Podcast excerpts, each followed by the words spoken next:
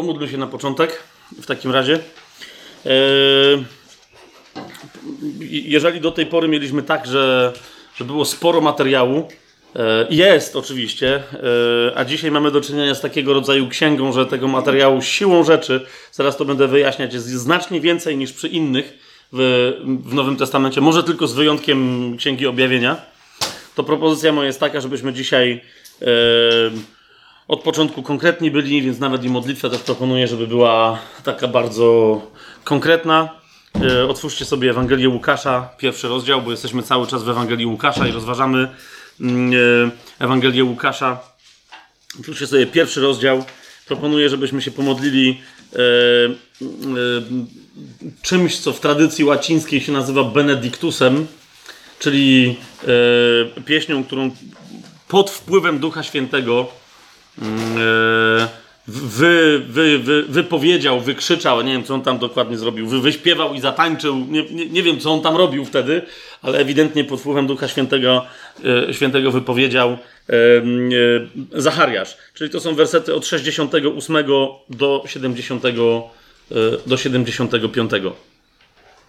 Nie dalej, bo dalej e, są proroctwa dla, dla syna Zachariasza, czyli dla Jana, późniejszego chrzciciela.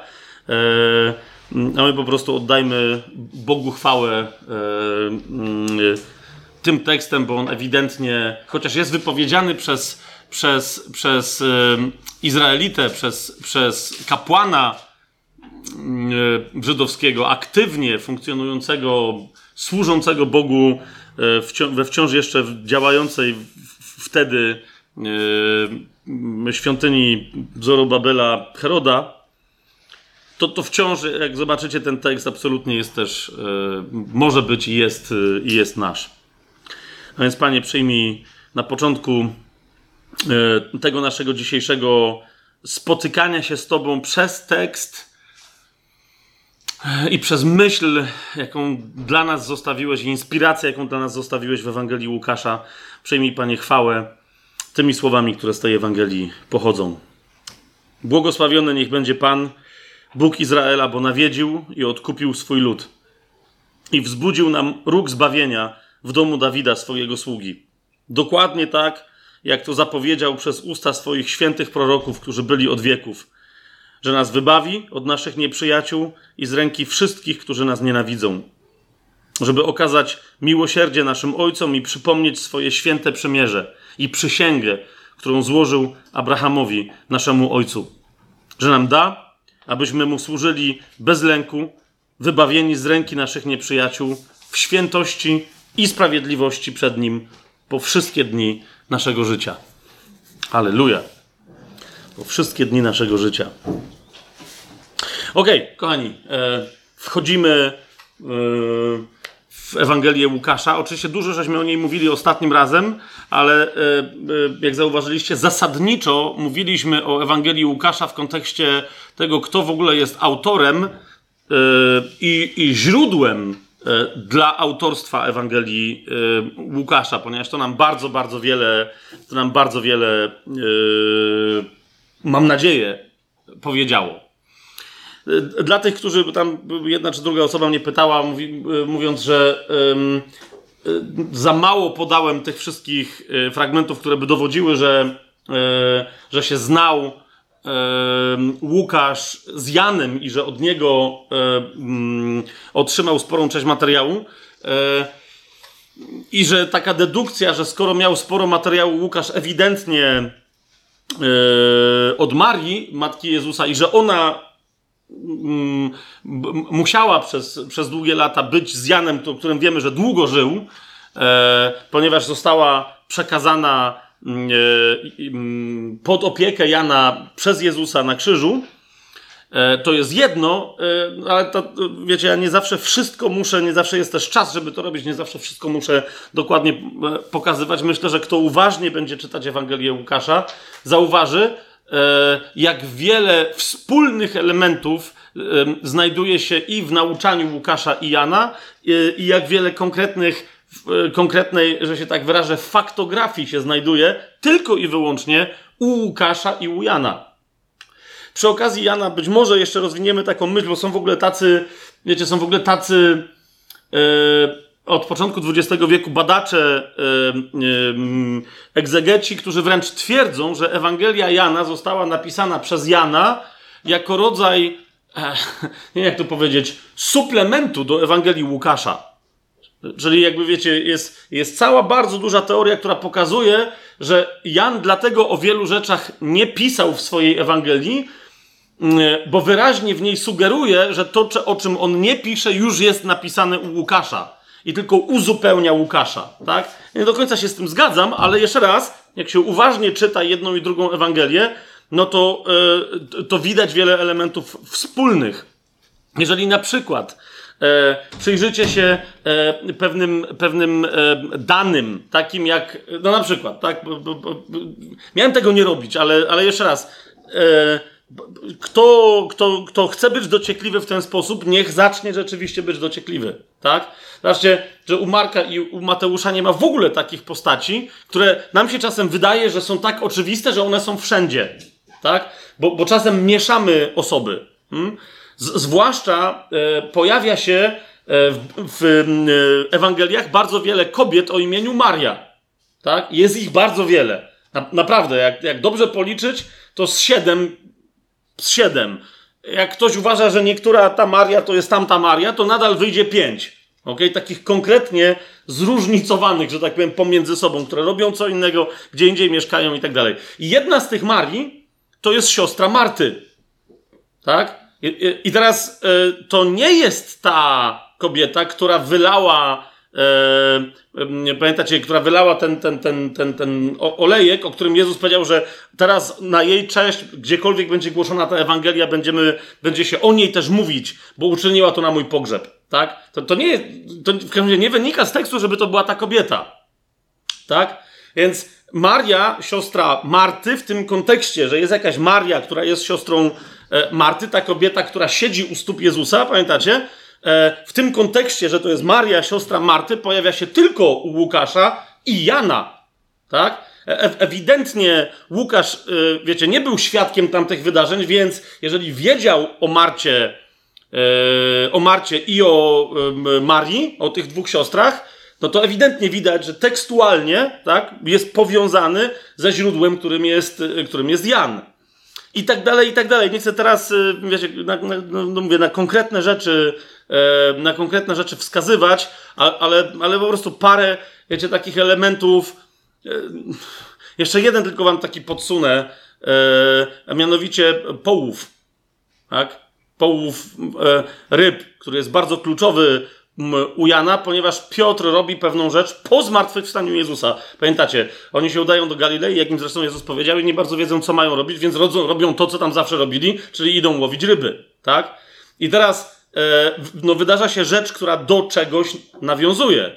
I teraz zobaczcie, do czego nawiązuje u Jana, do czego nawiązuje u Łukasza, i tak dalej, i tak dalej, i tak dalej. I nagle wtedy, e, wiecie, widać, że, że wiele elementów wspólnych chociaż nie aż tak wiele jest między Łukaszem a Mateuszem, Łukaszem a Markiem, ale widać, bardzo klarownie widać, e, jak istotnym źródłem e, dla Łukasza nie tylko była Maria, ale też Jan, apostoł, ewangelista, autor e, Ewangelii Trzech Listów i Księgi Objawienia. Jasne? Nie, nie, nie, będziemy w te wszystkie tego rodzaju de, detale, wiecie, aż tak szczegółowo wchodzić, ale jeżeli to kogoś bardzo interesuje, to pogrzebcie tam, powalczcie e, z tym tematem, posprawdzajcie mm, te, te, te, te różne wątki, pobawcie się w, w porównywanie, tak? Znaczy, pobawcie się, to jest poważne zajęcie. To jest poważne zajęcie, z którego może wiele e, wynikać. I teraz, Ewangelia Łukasza. Ewangelia Łukasza. To jest. E, widzicie, najpierw. E, nie, nie, po to, żebym, żebym ja siebie czy was tutaj zachęcał do czytania Ewangelii Łukasza, ale myślę, że, że naprawdę trzeba bardzo jasno sobie powiedzieć na temat wielkości Ewangelii Łukasza. Bo jest, ponieważ za mało mówimy o wielkości Ewangelii Łukasza. Teraz, nie, wiecie, nie, nie chodzi mi o to, że Ewangelia Łukasza jest wielka, czy że jest największa, jakby w porównaniu, namasz, nie wiem, gdy chodzi o namaszczenie, czy inspirację Ducha Świętego, czy, czy wiedzę. Nie o to mi idzie, tak? Ale, ale, ale myślę, że inaczej niektórzy czytaliby Ewangelię Łukasza, podchodziliby do niej, czy nawet, wiecie, podchodziliby do, do, do powtórnej, czy którejś tam z kolei lektury, gdyby zrozumieli, jak, jeszcze raz powtórzę to słowo, jak wielka jest Ewangelia Łukasza. Ok?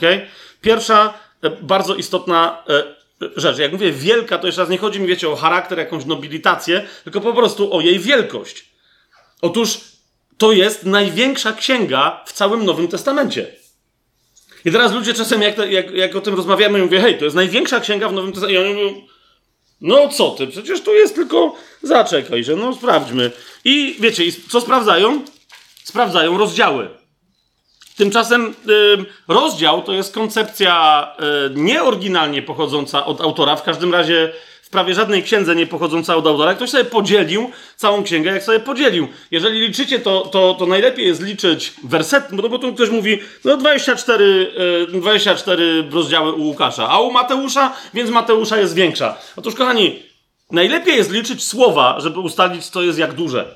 Tak? Ja nie pamiętam teraz dokładnie, jaka jest liczba w Ewangelii y, Łukasza, to sobie łatwo można znaleźć w internecie, ale jest prawie 14,5 tysiąca słów w Ewangelii Łukasza. Okay? Na drugim miejscu, gdy chodzi o wielkość, i teraz obczajcie, bo mówimy o tym samym autorze. Na drugim miejscu, gdy chodzi, gdy mówimy o wielkości, tak? E, dzieł, e, ksiąg Nowego e, Testamentu, na drugim miejscu znajdują się dzieje apostolskie, tak? Które mają mniej więcej tysiąc słów mniej, czyli Ewangelia Łukasza 14,5 tysiąca prawie, potem są dzieje apostolskie 13,5 tysiąca prawie, i Ewangelia Mateusza jest dopiero na trzecim miejscu, która ma tam 13 300 coś słów, też nie pamiętam ile. Jeszcze raz mówię, możecie sobie to sprawdzić, tak? A więc kochani, po pierwsze, Ewangelia Łukasza mamy tutaj do czynienia z największą księgą Nowego Testamentu. Rozważcie w ogóle, że mamy do czynienia z jedynym poganinem, czy autorem pogańskiego pochodzenia, na którego, że się tak wyrażę, Duch Święty się zdecydował, żeby go wybrać i namaścić i natchnąć do pisania e, w ogóle w Biblii, tak? Jeden, jedyny poganin. Cała reszta pochodzi e, z, z Izraela etnicznego. Jeden, jedyny, który nie był oryginalnie, e, jak, jak Paweł o nim pisze, że nie był z obrzezania, tak? I teraz, znaczy nie o nim pisze, tylko o innych pisze, że byli z obrzezania i potem wymienia, i potem wymienia Łukasza. A tu zauważcie, ten jeden, jedyny z pochodzenia poganin E, jak zobaczymy e, jego Ewangelię i dzieje apostolskie, jego dwie księgi, kochani, jeszcze raz, jak mówimy o wielkości, jego dwie księgi stanowią więcej niż jedną czwartą całego Nowego Testamentu. To jest tam, wiecie, jak się liczy słowa, tam teraz też nie pamiętam, ale to było więcej niż 25%, chyba 27 i coś, tak? W dwóch księgach. Kochani, E, to tam też w zależności od tego, jak kto liczy i czy, i czy, i czy wciąga, czy nie wciąga do pism Pawłowych e, list do Hebrajczyków, ale ci, którzy nie uważają, że list do Hebrajczyków jest napisany przez Pawła, co uważam za błąd, ale okej, okay, jeżeli nie policzysz listu do Hebrajczyków, to Łukasz w tych dwóch księgach jest w ogóle najpłodniejszym e, autorem w Nowym Testamencie, a Paweł, wtedy licząc, że 13 listów napisał, jest dopiero drugi po nim. Tak? jeżeli liczyć list do Hebrajczyków, co uważam za słuszne, wtedy Paweł lekko przebija e, Łukasza. Tak? Więc rozumiecie, mamy do czynienia w tych dwóch księgach, a to jest dwóch ksiąg, tak? Bo, bo, bo to są po, powiązane ze sobą dwa tomy jednego de facto dzieła w zamyśle Łukasza. W tych dwóch księgach mamy jedną czwartą Nowego Testamentu. Ok? Teraz następna rzecz, jak już, jak już yy, yy, yy, tak sobie to liczymy ponad połowa Ewangelii Łukasza. I teraz rozumiecie, to jest największa księga w ogóle w Nowym Testamencie. Nie tylko największa e, z czterech Ewangelii, tylko w ogóle w, w, całym Nowym Testamencie. Połowa tej księgi, uważajcie, niektórzy też tam jakoś dziwnie liczą, ale, ale po prostu nie, naprawdę niezależnie od tego, jak kto by sobie dziwnie liczył, to w końcu się doliczy, że połowa, a nawet więcej niż połowa tej Ewangelii zawiera absolutnie unikatowy materiał. Znaczy nie ma go, to, to nie jest powtórka z Mateusza, z Łukasza czy z Jana. Ponad połowa tej Ewangelii to są rzeczy, które, które są tylko i wyłącznie w tej Ewangelii. I, I, dzięki nim rozumiemy inne rzeczy w Ewangelii Mateusza, Marka, czy nawet które się dzieją w Ewangelii, ym, które się nawet dzieją w Ewangelii Jana, tak? Ma największy zasięg narracji. Zauważcie, y, to jest jedna ciągła narracja, która się zaczyna grubo przed narodzeniem Pana Jezusa, grubo, znaczy grubo, przed narodzeniem e, nawet Jana Chrzciciela, zaczyna się e, przed poczęciem nawet Jana Chrzciciela. Tak? Rozumiecie? Tam się zaczyna ta narracja i ona się ciągnie. Zdradza nam nawet jakieś elementy e, z dzieciństwa Pana Jezusa, jak miał 12 lat, czy tam młodzieńczego wieku Pana Jezusa, jak miał 12 lat, co się działo i tak dalej. I ciągnie się e, aż do wniebowstąpienia i nie przeskakując do dziejów apostolskich, kończy się na, e, na modlitwie uczniów, Pana Jezusa, oczekujących na zesłanie Ducha Świętego. Rozumiecie, to jest, to jest zasięg od, od punktu A do punktu B, jakiego nie ma żadna inna Ewangelia, tak? Marek w ogóle, ta, Marka w ogóle nie interesuje nawet rodowód Pana Jezusa, tak? On od razu przechodzi, e, po prostu przechodzi do, do akcji. Mateusz rozważa kwestie związane z narodzeniem e, Pana Jezusa, ale wiecie, nie, nie zaczyna tak wcześnie jak Łukasz. E, Okej, okay, niektórzy powiedzą, nie, nie, no Jan Chrzciciel ma najszersze spektrum, bo on zaczyna, zanim się cokolwiek w ogóle wszystko zaczęło, tak? Na początku było Słowo, a Słowo było Boga, ale mówimy o, o tej ludzkiej historii Pana Jezusa, a nie o w ogóle o no, historii wszechświata i, i, i wszechzbawienia. Jeżeli liczyć, bo tu znowu niektórzy tam mają wątpliwości, co zaliczać do cudu, jakiego cudu i tak dalej, ale jeżeli liczyć, że w Ewangeliach jest opisanych 35 cudów, w czterech Ewangeliach, tak? Jest, jest, jest opisanych 35 cudów e, Pana Jezusa, to z nich 20 jest opisanych u Łukasza i 7 z tych 20 jest takich, których nie ma nigdzie w żadnym innym miejscu, tak? E, zwłaszcza zwracam Wam uwagę na cuda związane z uzdrowieniem, tak? E, nikt nie posługuje się słowem, e, e, mówimy oczywiście o języku greckim, uzdrowić, wybawić kogoś od boleści, uwolnić od, od um, jakiejś fizycznej opresji. Nikt tak często nie zwraca na to uwagę jak Łukasz, ale rozumiecie, musiał tym być w szczególny sposób zafascynowany, bo jest lekarzem, tak? Jak się od Pawła, do, jak się od Pawła dowiadujemy. Jest też y, jeden taki zabawny moment, jak pamiętacie komentarz, pamiętacie kobietę, która cierpiała na krwotok. E, widać wyraźnie, że Marek, e, bardzo mocno związany i przemawiający do kultury rzymskiej, oczekiwał. E, wiecie, to jest trochę w starożytności trochę kultura, nawet nie trochę, tylko bardzo coś takiego jak dzisiaj kultura amerykańska, tak? Klient płaci, klient żąda. I teraz mówi, ta kobieta wydała wszystkie swoje pieniądze na lekarzy i jej nie pomogli, tylko dalej była chora, nic się nie zmieniło, tylko całe wszystkie pieniądze straciła. Więc komentarz Marka y, pod adresem lekarzy jest dość surowy. U Łukasza w ogóle nie ma tego komentarza, że ona te wszystkie pieniądze wydała na lekarze, tylko, tylko Łukasz tak delikatnie komentuje, że no, to po prostu to była choroba, której się nie dało wyleczyć. Rozumiecie, to nie jest tak, że on się nie zgadza z Markiem, bo się absolutnie zgadza, tylko no, jest nieco mniej surowy, gdy chodzi o, o swoją profesję. No, no, okej. Okay. Dalej, e, już nie będę mówił z jakiego obszaru, ale kochani, 29 konkretnych wydarzeń z życia Jezusa, 29 to yy, opisuje tylko Łukasz, tak? Wiele innych, te, które opisują pozostali, ale mamy 29 konkretnych wydarzeń z życia Jezusa, które się znajdują tylko w tej Ewangelii. Rozumiesz? Nie czytać Ewangelii Łukasza, czy nie wracać do Ewangelii Łukasza, pomyśl, jaką, jaką stratę to oznacza. Okay? Co się tutaj dzieje.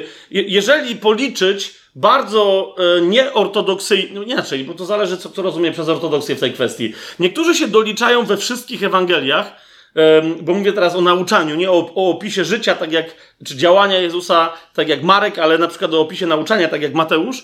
Jeżeli policzyć wszystkie um, przy, um, przypowieści, no, wszystkie, wszystkie te duże takie metafory, którymi się Jezus posługiwał, to niektórzy się doliczają nawet 51 przypowieści we wszystkich e, czterech Ewangeliach. Kochani, to je, jeżeli ktoś się doliczy tej liczby, bo niektórzy mówią, nie jest mniej, bo nie wszystko uważają za przypowieść, tak?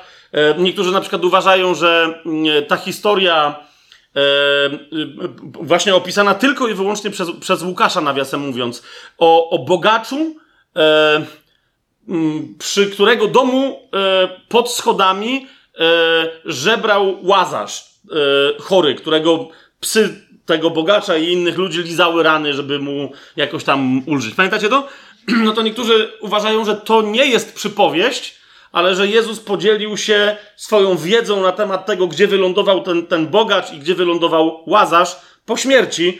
Zwłaszcza, że niektórym to jest bardzo potrzebne, żeby potem dociekać, co to jest łono Abrahama i wiecie, żeby ustalać topografię zaświatów, tak? Gdzie jest raj, gdzie jest Sheol, gdzie jest Hades, a gdzie jest łono Abrahama e, w, w tym wszystkim. Osobiście uważam, że, że, że jest to raczej przypowieść e, niż, e, niż coś bardziej stricte doktrynalnego, chociaż ona może oczywiście się odnosić do jakichś realnych wydarzeń, ale to tylko wam tłumaczę, dlaczego niektórzy coś liczą jako przypowieść, a niektórzy nie. Niemniej, jeżeli by policzyć te wszystkie miejsca i, i, i doliczyć się 51 przypowieści, to uważajcie, 35 z tych 51 przypowieści przedstawia Łukasz, a 19 z tych wszystkich przypowieści Jezusa przedstawia tylko Łukasz. To jeszcze raz, pomyśl, jeżeli nie czytasz Ewangelii Łukasza, albo nie wracasz do Ewangelii Łukasza, rozumiesz, to oznacza, że 19 przypowieści Jezusa nie znasz tak dobrze, jakby można było i tylko coś ci dzwoni, ale nie wiesz w którym kościele. Tak? I, I, potem niektórzy na tej podstawie zaczynają coś tam, coś, tam sobie, y, coś tam sobie kombinować. Więc jeżeli mówimy o wielkości, i nie będę tego kontynuować dalej, bo jak wiecie, y, tylko i wyłącznie na temat tego, jak wielkim jest osiągnięciem w sensie rozmiarów materiału, szczegółów historycznych i tak dalej, jak wielkim osiągnięciem jest, e, jest Ewangelia Łukasza i dzieje apostolskie, to sobie sami możecie poszukać e, dalszych informacji. Nie, nie chodzi o to, żeby was epatować teraz, wiecie, cyframi, tylko żeby położyć sobie na sercu, nawet na sumieniu, szczególność Ewangelii Łukasza, tak? Ze względu na rozumienie pozostałych Ewangelii. Również, jeżeli myśmy kiedyś mówili, mm, o tym jeszcze dzisiaj będziemy y, sporo sobie opowiadać, ale kiedy żeśmy sobie mówili, że, że czytając Ewangelię mamy nie tylko się dowiedzieć, czego Jezus nauczał, jak działał, ale kim był, żeby wiecie, żeby miłując Go coraz bardziej, coraz bardziej się do Niego upodabniać, to w żadnej innej Ewangelii nie, nie znajdziemy tylu e, informacji mówiących nam o wewnętrznym życiu Jezusa, o tym, co on przeżywał, jakie emocje wywoływał w innych, w jakiego rodzaju interakcje psychologiczne z innymi wchodził. Nigdzie nie znajdziemy tylu informacji. I jeszcze raz, my dzisiaj będziemy o tym więcej mówić, jak w Ewangelii Łukasza. Nie wyobrażam sobie, żeby ktoś nie czytał Ewangelii Łukasza, czy przeczytał ją raz, dwa razy w życiu i powiedział, ok, już wiem o co chodzi. żeby ktoś po prostu w ten sposób do Ewangelii Łukasza podszedł, a potem wielce w swoim życiu chciał e, naśladować Jezusa. Bo wtedy pytam się, jakiego Jezusa e, miałby naśladować. Kolejna rzecz, i e, tak się zastanawiam, e, czy, na, czy, czy, bo teraz powiem Wam o jednej rzeczy, e, żeby jeszcze, jeszcze, jeszcze dopodkreślać, naprawdę nie wiem dlaczego, nie wiem dlaczego jest tak, że, że, że tak mało mamy miłości, zwłaszcza my poganie, tak? W sensie chrześcijanie, ale z pogaństwa, dlaczego mamy tak mało miłości do, do, do, do, do, do, do, do Ewangelii Łukasza? Mamy tak dużo miłości do dziejów apostolskich, to zrozumiałe, bo to jest jedyna, wiecie, jedyna księga, która mówi o tym, co się działo po zesłaniu Ducha Świętego w sensie historycznym. Ale, ale według mnie nie da się nawet dziejów apostolskich zrozumieć bez tego kontekstu, którym jest dla dziejów apostolskich Ewangelia e, Łukaszowa, tak? Mówiąc, wiecie, współczesnym dzisiaj językiem, dzieje apostolskie to jest sequel. Po prostu. Nie znaczy, że jest gorszy, czy, tylko, tylko po prostu, jeżeli coś jest sequelem, to dobrze byłoby widzieć prequel, tak? Od czego to się wszystko zaczęło. Znaczy, że tematy, jeszcze dzisiaj też wam przynajmniej jedną, dwie rzeczy pokażę, tematy wszystkie dziejów apostolskich zaczynają się w Ewangelii Łukasza. Jeżeli ktoś nie wie, gdzie się zaczyna temat, hmm, hmm, na przykład, wiecie, jak, jak, jest pytanie, kto jest, kto jest głównym bohaterem dziejów apostolskich? Co byście powiedzieli? Kto jest głównym bohaterem dziejów apostolskich? Stawiam tezę, jeszcze kiedy niedługo dojdziemy do dziejów apostolskich, ale stawiam tezę, że Duch Święty. To jest Duch Święty. Tak? I teraz, jak, jakbym was zadał, to w takim razie, ile macie konkretnych przykładów bycia wypełnionym przez Ducha Świętego i działania pod wpływem i mocą Ducha Świętego? Konkretnych, indywidualnych przykładów w dziejach apostolskich. No i tam będziecie myśleć, Niektórzy mówią, hej, rzeczywiście, hmm, jest o wielu powiedziane, tak? Że byli na przykład o siedmiu diakonach, że byli pełni, e, e, czy, czy o Szczepanie, że był pełny wiary i Ducha Świętego i tak dalej. Wiecie, ale jak e, się dobrze, dzisiaj będziemy więcej o tym mówić, ale jak się przyjrzycie Ewangelii Łukasza, to zobaczycie, że tylko w pierwszym i drugim rozdziale mamy ludzi, którzy nie tylko, że, że jest wyraźnie powiedziane, że zostali napełnieni Duchem Świętym, to jeszcze w jakim kontekście i jak to się stało, że zostali napełnieni Duchem Świętym i widzimy ich nie tylko prorokujących pod wpływem Ducha Świętego, ale też mamy konkretne cytaty, jak wyglądały te proroctwa pod wpływem Ducha Świętego. Rozumiecie? To z tego powodu w dziejach apostolskich później Łukasz, kiedy mówi, że zaczęli mówić na językach i prorokować, nie cytuje już, co to były za proroctwa. Dlaczego? Ponieważ w pierwszym i drugim rozdziale y, Ewangelii Łukasza za, zacytował i zademonstrował, jak mogą wyglądać takie proroctwa, które są wypowiedziane pod wpływem Ducha Świętego. Rozumiecie, o co mi chodzi? Jeszcze temat Ducha Świętego dzisiaj powrócił, więc nie chcę tego nie chcę tego rozwijać, ale to zobaczcie, jaka tu jest, jaka tu jest moc, tak? E, w 1913 roku e, D.A. E, chyba tak się nazywał, D.A. Hayes napisał książkę, e, e, która, której tytuł brzmiał po angielsku The Most Beautiful Book Ever Written. Czyli najpiękniejsza książka, jaka została kiedykolwiek napisana. Dokładnie tak brzmiał ten tytuł i podtytuł brzmiał Ewangelia według świętego Łukasza najpiękniejsza książka, jaka została kiedykolwiek napisana. Przyznam, że jak pierwszy raz zobaczyłem ten tytuł, sobie pomyślałem, okej, okay, trzeba być bardzo śmiałym, żeby taką tezę już w tytule postawić. Ale potem, wiecie, im więcej na, pod różnymi kątami i aspektami patrzyłem na Ewangelię Łukasza, to myślę, że ja bym tak właśnie chciał nazwać ten, nie wiem, czy to w końcu potem pójdzie tak na, na YouTubie, ale myślę, że, że jeżeli pójdzie nagranie e, na YouTube'a z, z tego spotkania, to ja bym to tak nazwał. Najpiękniejsza książka świata. Tak? Ewangelia według świętego Łukasza. Po, po prostu. Dlaczego? Po pierwsze, kochani, jest takie świadectwo. Ostatnio e, mojej żonie o tym opowiadałem, bo trochę nie mogła e, ten. E, Vernona McGee. On, mniejsza o to, kto to był i okej, okay, komentator, interpretator Biblii, okej, okay, ewangelicznie wierzący teolog. I on, krótkie świadectwo wam jego powiem, na temat Łukasza. On mówi tak, że, że przez pewien czas w swoim życiu uczył greki biblijnej, greki koine, na pierwszy, pierwszym roku jakiegoś tam seminarium ewangelicznego, teologicznego. Czy, czy nie wiem, czy to był pierwszy rok. W każdym razie mówił o doświadczeniu pierwszego roku, że uczył ich greki i mówi, że pod koniec całego roku uczenia się greki, ostatni semestr poświęcali na przeczytanie Ewangelii Jana. No i mówi, że ponieważ on był dobrym nauczycielem, a studenci byli dobrymi studentami, to umieli grekę na tyle, że do końca roku przez ostatni semestr mieli przeczytaną Ewangelię Jana. Każdy samodzielnie był w stanie, wiecie, ją przeczytać, rozłożyć zdanie, co się tam w nim dzieje. Większość czasowników, rzeczowników opisać i tak dalej. I on mówi, że, że e, e, na przedostatnich zajęciach, jak już dochodzili do tego, że hej, przeczytaliśmy Ewangelię Jana, to mówi, że wszyscy e, uczniowie, czy tam uczennice, wiecie, czuli się, że, że są mistrzami świata w Grece. Tak? Że teraz po prostu czytają cały Nowy Testament i po prostu jest super. I on mówi, że wtedy, żeby ich zachęcić do studiowania na drugim roku, dawał im do przeczytania tylko i wyłącznie pierwsze zdanie z Ewangelii Łukasza.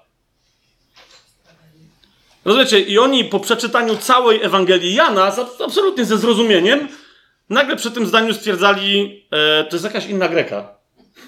Czy jakiś w ogóle inny język, co się tu dzieje, tak? I on mówi, no to właśnie, tak? Jak mówimy o poziomie, e, w, w, w momencie, kiedy Łukasz wchodzi na poziom klasyczny grecki, tak? to jest porównywalne z najlepszymi osiągnięciami e, greckiej, klasycznej literatury. Zresztą inna rzecz, że to zdanie, jak, sobie, jak, jak pamiętacie, e, ono się ciągnie e, aż przez cztery wersety. Tak? I jest wielo, wielo, wielo, wielokrotnie, krotnie, krotnie, krotnie złożone. Tak? E, no to tyle na temat, na temat, na temat języka, jego, wiecie, precyzji, złożoności, który No właśnie, już sam ten fakt, wiecie, jeżeli my mówimy, że Ewangelia Mateusza jest napisana dla, e, czyli jakby pierwszym e, odbiorcą tej Ewangelii miał być Żyd, albo ktoś, kto rozumie żydowską kulturę i tak dalej, i tak dalej, jak odbiorcą Ewangelii Marka e, miał, być, miał być Rzymianin, poganin rodzaju rzymskiego, e, sk właśnie skoncentrowany, wiecie, na, na skuteczności, na akcji, która prowadzi do jakichś rezultatów i tak dalej, tak Ewangelia Łukasza jest napisana dla Greków, ale w rozumieniu wysokiej kultury, e, filozofii, mądrości, e, w rozumieniu ducha historycznego i historiozoficznego, w rozumieniu sztuki i poezji. Tak? To jest, to jest Ewangelia Łukasza. Ona, ona jest na tyle prosta, żeby ktoś bardzo prosty zrozumiał, co się dzieje, a jednocześnie na tyle w, tych, w tej całej swojej prostocie skomplikowana, żeby ktoś bardzo wyrafinowany docenił jej wyrafinowanie. Tak? Coś niesłychanego, co się. E, co, już sam ten fakt wystarczy powiedzieć, że to jest prawdopodobnie e, najpiękniejsza e, książka, jaka została kiedykolwiek napisana. Ale idziemy dalej, tak? Bo jak już mówimy o, jak już mówimy o, o, o tym pięknie, to wiecie, to chodzi mi o to, żebyście, żebyście docenili niezwykłe, mm, że to nie jest tylko, wiecie, że, że ktoś siedzi i jest pod natchnieniem i pisze e, ciekawym językiem, tak? Tylko, że to oznacza e, wielokrotne przez Łukasza korzystanie ze specjalnych struktur e, retorycznych, gramatycznych itd., tak itd. Tak Ostatnio wspominałem coś o chiazmie yy, o, i o konstrukcjach chiastycznych. Yy, ktoś tam zapytał, bo, że dalej nie rozumie, co to jest. Chiazm to jest specyficzne granie tematem, yy, jakimś problemem i korzystanie z układu wersów, tak jak, tak jak w wierszu. Wersów albo po prostu pewnych ciągów myślowych żeby stworzyć konstrukcję. Podam wam bardzo prosty przykład. Jednym z najprostszych chiazmów takich żydowskich, którym się Pan Jezus posługiwał, to był tak zwany chiazm krzyżowy.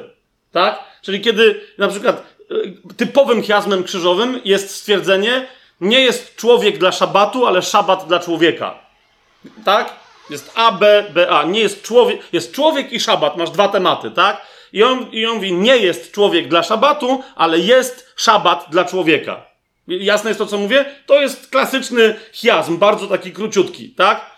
I teraz wyciągnij z tego właściwe, e, właściwe rozumienie. Bardziej skomplikowany chiazm znajdziecie nie tylko w Ewangelii Łukasza, bo, i u Mateusza. E, tam pamiętacie, kiedy Jezus mówi, że nie można dwom panom służyć. Nie będziemy tam nawet przechodzić, bo, e, bo to akurat nie ma sensu, żeby to prezentować, ale, ale, ale znajdźcie sobie ten fragment, kiedy Jezus mówi, że, że nie można dwom panom służyć. Tak? To jest wejście A. I potem robi e, krzyżówkę BC, BC, czyli mówi, bo, bo, bo jeżeli ktoś tak będzie chciał robić, to jednego będzie lubił, drugiego będzie nienawidził. Pamiętacie to? I teraz wraca do, do punktu wyjścia A, czyli jak A było, nie można dwom panom służyć, po tej krzyżówce wewnętrznej, krzyżowym chiaźmie dochodzi do, wraca do tematu A, ale go uszczegóławia, czyli mówi, nie można więc służyć i Bogu, i mamonie. Tak? Więc to jest bardziej skomplikowany chiazm. A teraz, kochani, chcę wam pokazać, jak wiecie, na tym tle jeden z najbardziej oczywistych w Ewangelii Łukasza chiazmów, po to, żeby was zachęcić, żebyście sobie sami poszuki, poszukali, co ten chłop wyprawiał pod wpływem Ducha Świętego w tej Ewangelii, co się tu dzieje, tak? Ale chcę wam pokazać jedno, jedno, jedno miejsce, e, które wam pokaże, e, wiecie, właśnie to, że możesz przeczytać prosty tekst i jest fajnie, ale następnie możesz wejść w niego i docenić jego niezwykły, nieporównywalny z niczym innym kunszt, tak? E, jest takie miejsce, zobaczcie Ewangelię Łukasza. Nawiasem mówiąc, ona e, to jest jedno, jedno, z takich oświadczeń w tej Ewangelii, o czym ona e, w ogóle traktuje. To jest Ewangelia Łukasza, drugi rozdział. To jest Ewangelia Łukasza, drugi rozdział, jedenasty werset. To jest sytuacja, kiedy się pasterzom pokazuje anioł i, y, i tłumaczy im rzecz, która wiecie, jak się czyta Ewangelię w ogóle, Ewangelię Łukasza też, bardzo łatwo jest przeskoczyć nad tym y, no, sensacyjnym oświadczeniem. Tak? Zobaczcie, Ewangelia Łukasza, drugi rozdział, jedenasty werset. Dzisiaj bowiem, mówi im anioł, w mieście Dawida, narodził się wam Zbawiciel, którym jest Chrystus, Pan. Teraz dlaczego mówię, że to jest sensacja? No bo sprawdźcie sobie, e, sprawdźcie sobie cały Nowy Testament, w jak wielu fragmentach znajdziecie, w jak wielu wersetach znajdziecie jedno zdanie, gdzie, które by jednocześnie łączyło w sobie te trzy tak kluczowe dla chrześcijaństwa tytuły, że Jezus jest Zbawicielem, jest Panem, jest Mesjaszem. Rozumiecie, o co mi chodzi? Te trzy rzeczy. Teraz w ogóle to oświadczenie Jezus jest Panem, Jezus jest moim Zbawicielem, jest moim Panem, ponieważ jest Mesjaszem, tak? To oświadczenie stało się kwintesencją wyznania wiary chrześcijańskiej, e, wiecie, dopiero pod koniec tego okresu pisania, e, pisania Nowego Testamentu, powiedziałbym, tak? Pod koniec okresu e, głoszenia i pracy Pawła i Piotra. Zresztą nie znajdziecie tak skompilowanych tych tytułów u nikogo innego, tylko u Pawła i u Piotra. Zobaczcie list do Filipian, bo chciałem, żebyśmy się temu, temu przyjrzeli. I, I, zaraz tutaj wrócimy do, do Łukasza, tak? Łukasz, wiecie, pewnie się znał z Piotrem, bo skoro Paweł yy, i, i Piotr byli w Rzymie, no to pewnie tak. Znał się na pewno z Markiem, który współpracował e, z Piotrem, bo wiemy o tym, bo Paweł często Marka i Łukasza zestawia w jednym miejscu. Więc, więc głoszenie i Piotra, no Pawła w sposób oczywisty Łukasz świetnie znał. Twórzcie sobie list do, do Filipian. Najpierw zobaczymy, jak się to pojawia. No właśnie, list do Filipian, wiecie, to nie jest wczesny list. Y, to jest y, trzeci rozdział. Dwudziesty werset. To, to właśnie, to jest to, tak? To jest to krótkie wyznanie wiary, które się zaczęło pojawiać pod, jak, jak trzeba było szybko pewną rzecz powiedzieć. Pod, oczywiście to jest dojrzewające i krzepnące chrześcijaństwo, ale jeszcze raz, w, w, w, w Biblii tak złożonych tych trzech określeń nie ma za wiele, tak? Jest list do Filipian 3:20. Nasza zaś ojczyzna, pisze tam Paweł, jest w niebie, skąd też oczekujemy Zbawiciela, Pana Jezusa, który jest Chrystusem, tak? Zbawiciela, Pana Jezusa Chrystusa. I zobaczcie, list do, pierwszy do, do nie, nie, nie, list do Tytusa, pierwszy rozdział, czwarty werset, drugie zdanie w tym wersecie, łaska, miłosierdzie i pokój od Boga Ojca, i zauważcie, i Pana Jezusa Chrystusa, naszego Zbawiciela. Jezus jest Panem, jest Chrystusem i jest Zbawicielem. Tam by się może z jeden, drugi kontekst jeszcze znalazł, ale, ale ja nie, nie lubię naciągania. I, i zobaczcie teraz e, drugi Piotra. Tak? To, e, wiecie, całkiem możliwe, że on powstał, kiedy, kiedy Paweł już nie żył. Tak? E, to jest ostatni list y, Piotra, przynajmniej z tych, które się znajdują w Biblii. Drugi Piotra. Teraz zobaczcie, pierwszy rozdział, jedenasty werset. A tam oczywiście we wcześniejszych wersetach on tłumaczy tam pewną rzecz, która ma dać nam hojnie, yy, hojne wejście do wiecznego królestwa. I teraz do wiecznego królestwa czego? Zobaczcie, pierwszy rozdział, jedenasty werset. Do wiecznego królestwa naszego Pana i Zbawiciela, Jezusa Chrystusa. Tak? Pan i Zbawiciel, Jezus Chrystus. Jak to było istotne na tym etapie, to zobaczcie, że w samym tym liście 2,20. Spójrzcie razem ze mną. Bo jeśli oni uciekli od plugastw świata przez poznanie Pana i Zbawiciela Jezusa Chrystusa, a potem znowu się w nie wikłają i tak dalej, i tak dalej, i tak dalej. Zauważcie, drugi raz pojawia się złożenie tych trzech tytułów. Pan, Zbawiciel, Chrystus w jednym liście. I zobaczcie jeszcze trzeci rozdział, osiemnasty werset. Wzrastajcie zaś w łasce i poznaniu naszego Pana i Zbawiciela Jezusa Chrystusa. Nasz Pan i Zbawiciel Jezus Chrystus. Jezus, który jest Mesjaszem. My często, wolę często, to nie, tam nie ma napisane Jezus, który jest Chrystusem, tylko chodzi mi o to, że nam się to już tak otłukło o uszy, że jak słyszymy Jezus Chrystus, to, to tak brzmi jak Fabian Błaszkiewicz, tak? W sensie imię i nazwisko, a to nie jest tak. Jezus, który jest Chrystusem, to to oznacza, tak? Nasz Pan i Zbawiciel. Jezus, który jest, który jest Chrystusem. I teraz wróćmy do Ewangelii Łukasza, więc widzicie, Łukasz, Łukasz e, w, w, drugim rozdziale mówi, to o tym jest cała ta Ewangelia, którą zaraz będziesz czytać. Tak? Teofilu, bo tutaj jest konkretny adresat tej, tej Ewangelii. Mówi, to jest to. To, to jest najważniejszy, najważniejsze oświadczenie, wyznanie wiary, jakie dzisiaj mamy. Tu się zawiera kwintesencja wszystkiego, kim był Jezus. Ja cię teraz to będę rozwijać, tak? Że on urodził się w mieście Dawida, będąc zbawicielem, Chrystusem i Panem. Czy to jest jasne? Bardzo, bardzo istotne oświadczenie. I teraz popatrzcie. Dla Łukasza nie wystarczy napakować te trzy tytuły, które mają swoją wagę i swoją moc w tym jednym miejscu. Tak? Ale żeby podkreślić, jak niezwykle istotne jest to oświadczenie, buduje, e, opowiadając płynnie historię, tak że bardzo łatwo jest w ogóle nie zauważyć tego, buduje bardzo złożony, przepiękny chiazm. Otóż centrum tego chiazmu są dwa wersety. Oświadczenie Łukasza połączone z tym, że ten tak wielki Pan, Zbawiciel i Mesjasz e, przyszedł na świat w absolutnej pokorze i, i, został położony, nawet wiecie, jako małe dziecko, nie trafił do jakiegoś łóżeczka czy gdzieś tam, tylko trafił do żłobu, tak? W, jaki, w, jaki, w jakiejś stajni. Zobaczcie, to jest 11 i 12 werset. Dzisiaj bowiem w mieście Dawida narodził się wam Zbawiciel, którym jest Chrystus Pan a to będzie dla was znakiem, znajdziecie niemowlę owinięte w pieluszki i leżące w żłobie. To będzie dla was znakiem. To mówi anioł do pasterzy, tak? To będzie dla was znakiem. Znajdziecie niemowlę owinięte w pieluszki i leżące w żłobie. No i tyle, i czytasz dalej, oni poszli, rzeczywiście znaleźli tego Pana Jezuska, ale kiedy jesteś tym wyrafinowanym czytelnikiem tego rodzaju literatury, mówisz, ej zaraz, stop, bo coś tu mi gra. Coś mi tu bardzo ładnie gra.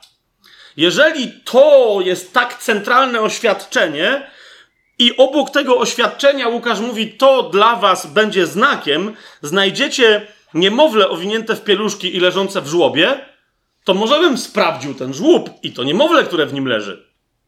I teraz, kochani, e, zobaczcie, e, e, co się dzieje. W centrum tego wielkiego oświadczenia Zbawiciel Chrystus, Pan, jest też oświadczenie, znakiem jest żłób, w którym ten wielki Zbawiciel Chrystus i Pan leży jako małe niemowlę. Więc znajdź dwa skrzydła. Skąd wychodzimy, z jakiego opisu żłobu i do jakiego opisu żłobu dojdziemy. Tak? One muszą, jeżeli tu jest chiasm, one muszą się znajdować z dwóch stron tego centralnego oświadczenia, bo to jest ten chiasm, który wygląda jak góra. Wchodzimy na szczyt i schodzimy ze szczytu w zupełnie nowe miejsce. Tak? Otóż pierwszy raz żłobek gdzie się pojawia e, w tym kontekście? W siódmym wersecie, widzicie to? Tam jest wyraźnie powiedziane i urodziła swojego pierworodnego syna, owinęła go w pieluszki i położyła w żłobie, gdyż nie było dla nich miejsca w gospodzie. Zgadza się? To teraz, to teraz e, jak ktoś chce, to na niech sobie zapisuje, tak? Może sobie zapisać, że to jest werset A, potem B, potem C i tak dalej, albo niech zapisuje tematy. Ale popatrz, pierwszy werset, który się pojawia, mówi o dzieciątku, które jest położone w żłobie. Zgadza się? Na, na, to jest A. Teraz B. Następny werset. Byli w tej okolicy pasterze przebywający w polu i trzymający straż nocną nad swoim stadem. Tak? A więc w drugim wersecie pojawiają się jacyś pasterze. Widać to? Trzeci werset, czyli C. I oto stanął przy nich anioł Pana, a chwała Pana zewsząd ich oświeciła i ogarnął ich wielki strach. Centrum tego wersetu jest chwała Pana, tak? To, bo to, że tam się przestraszyli, to okej, okay. ale chwała Pana, doksa, to jest bardzo konkretny yy, wyraz. I ogarnął ich wielki strach. I teraz dziesiąty werset. Powiedział do nich anioł. Tym, który mówi na temat tej chwały, jest anioł. Powiedział do nich anioł: Nie bójcie się, bo oto zwiastuje wam wielką radość, która będzie udziałem całego ludu. A więc jest jeden anioł i jest tłum ludzi, o którym on, który on nazywa ludem. Zgadza się? Czyli mamy niemowlę w żłobku, potem mamy pasterzy, potem mamy chwałę Pana, potem mamy jednego anioła i tłum ludzi. Zgadza się? I informacja centralna, Dzisiaj w mieście Dawida narodził się wam Zbawiciel, którym jest Chrystus Pan, a to będzie dla was znakiem. Znajdziecie niemowlę owinięte w pieluszki i leżące w żłobie. Teraz tam było A, B, C, D. Zgadza się? I szczyt, te dwa wersety. To w takim razie zejście z góry powinno brzmieć D, C, B, A. Co mieliśmy? Jaki mieliśmy temat w wersecie D? anioł i tłum ludzi. No to zobaczcie, to schodzimy z góry. Trzynasty werset. I zaraz z aniołem, macie jednego anioła, przybyło mnóstwo wojsk niebieskich chwalących Boga i mówiących. Ok? Jak, w jak we wchodzeniu był anioł, który mówił o, o tłumie ludzi, w schodzeniu mamy anioła i tłum pozostałych aniołów. Ok, to idziemy dalej. Skoro był D, to był ten, to co, co było w takim razie tematem e, wersetu C? Chwała Pana. Okej, okay. no to zobaczcie, co się dzieje w 14 wersecie. Chwała na wysokościach Bogu, a na ziemi pokój wobec ludzi, dobra wola. To jest ten sam wyraz. To nie chodzi o to, że to po polsku nam się zgrywa. To jest dokładnie ten sam wyraz, to samo zjawisko, to samo znaczenie. Tak? Tam jest chwała Pana i tutaj jest chwała, e, która ma wracać do Pana. Tak? To chwała Pana objawia się dla ludzi, i teraz, kiedy schodzimy, wobec tego objawienia od nas chwała powinna wrócić do Boga. Ok, to skoro mamy C, to, to w takim razie co powinno być w wersecie B głównym tematem? Pasterze. Pasterze. W 15 wersecie, a gdy aniołowie odeszli od nich do nieba, pasterze mówili między sobą: chodźmy aż do Betlejem i zobaczmy to, co się wydarzyło, a co Pan nam oznajmił. I w takim razie powinien się pojawić temat z wersetu A, czyli niemowlę leżące w żłobie. Zgadza się? No to mamy w takim razie werset 16. Spiesząc się więc, przyszli i znaleźli Marię, Józefa i niemowlę leżące w żłobie. Genialne? I teraz, rozumiecie, ja wam tylko pokazuję coś. E, widzicie, więc im ważniejsze oświadczenie, im ważniejsza teza w tej Ewangelii, tym większy znajdziecie chiasm. Tak? I to taki, taki wchodząco schodzący, gdzie ta najważniejsza teza stanowi szczyt. Czy to jest, czy to jest jasne, co, o, o, o czym teraz mówię? Tak. E, to tylko, wiecie, ja się, ja się jaram zawsze, wiesz, Ewangelia Łukasza wow, pod tym względem. E, nie mamy dzisiaj w ogóle czasu, żeby, wiecie, żeby to żeby, żeby, żeby to aż tak rozbierać, tak? Ale, ale domyślacie się, jak ostatnio o tym wspominałem, tak? Że cała ta Ewangelia de facto jest jednym wielkim e, chiasmem. Skoro się zaczyna w świątyni i kończy się w świątyni, zauważcie, to, to, to, to już nam sugeruje, hej, skąd wychodzimy, tam wracamy, a więc gdzieś musi być szczyt, tak? Jeżeli nawet policzymy tylko i wyłącznie, wiecie, czysta matematyka, policzymy, tak jak żeśmy to sobie przed spotkaniem jeszcze na, na chybcika zrobili z Marcinem, tak? Jak sobie policzymy wszystkie wersety, wszystkich wersetów tej Ewangelii jest 1151, tak? A więc środkowy werset tej Ewangelii, tam musi być szczyt, środkowy werset tej Ewangelii to jest, to jest werset 576. To jest 12 rozdział tej Ewangelii, 10 werset.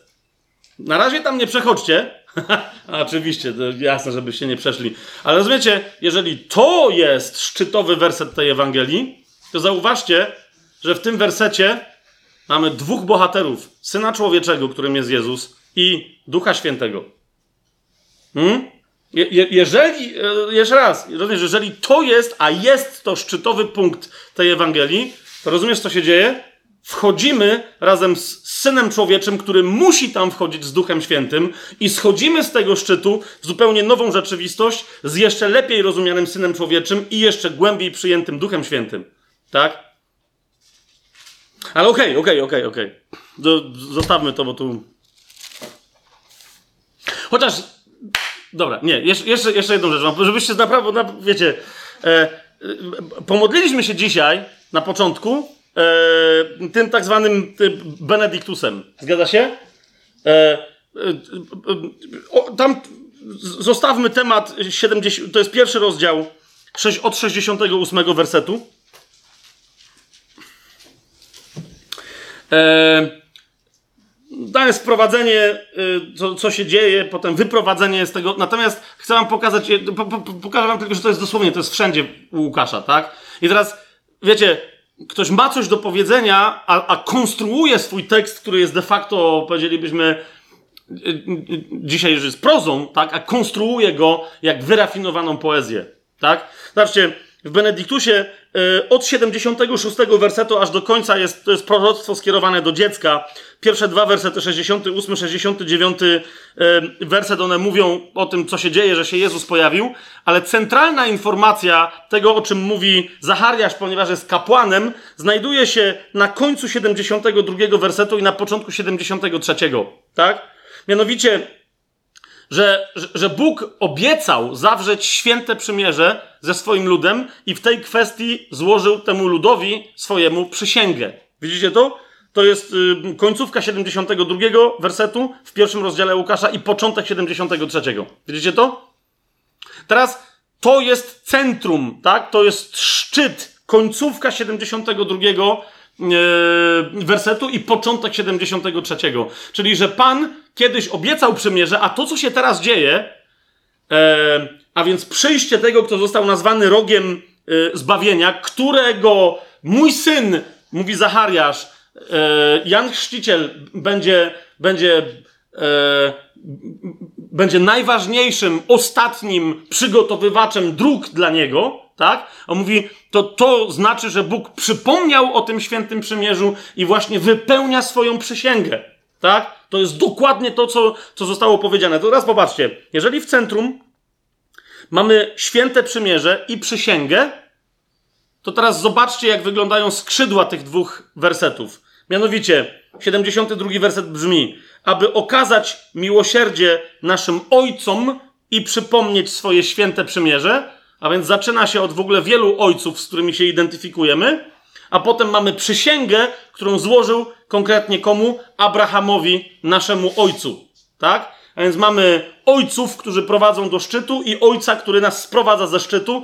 Nawiasem mówiąc, jak e, później się okaże w tej Ewangelii, że ona traktuje, e, gdy chodzi o możliwość bycia zbawionym Żydów i pogan porówno, to wtedy wiecie, ta, ta informacja dla nas, że my jesteśmy dzięki Chrystusowi dziećmi obietnicy, dziećmi Abrahama, tu nas łączy w 72, 73 wersecie z Izraelem, tak? Izrael może powiedzieć, aby okazać miłosierdzie naszym ojcom. My możemy się przyłączyć w 73 wersecie i powiedzieć i przysięgę, którą złożył Abrahamowi, naszemu ojcu.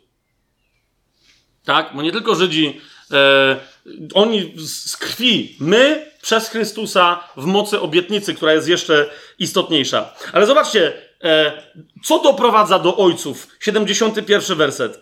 Że nas wybawi od naszych nieprzyjaciół, z ręki wszystkich, którzy nas nienawidzą. Tak? I teraz jak schodzimy w 74 wersecie, że nam da, abyśmy mu służyli bez lęku, wybawieni z ręki naszych nieprzyjaciół. Tak?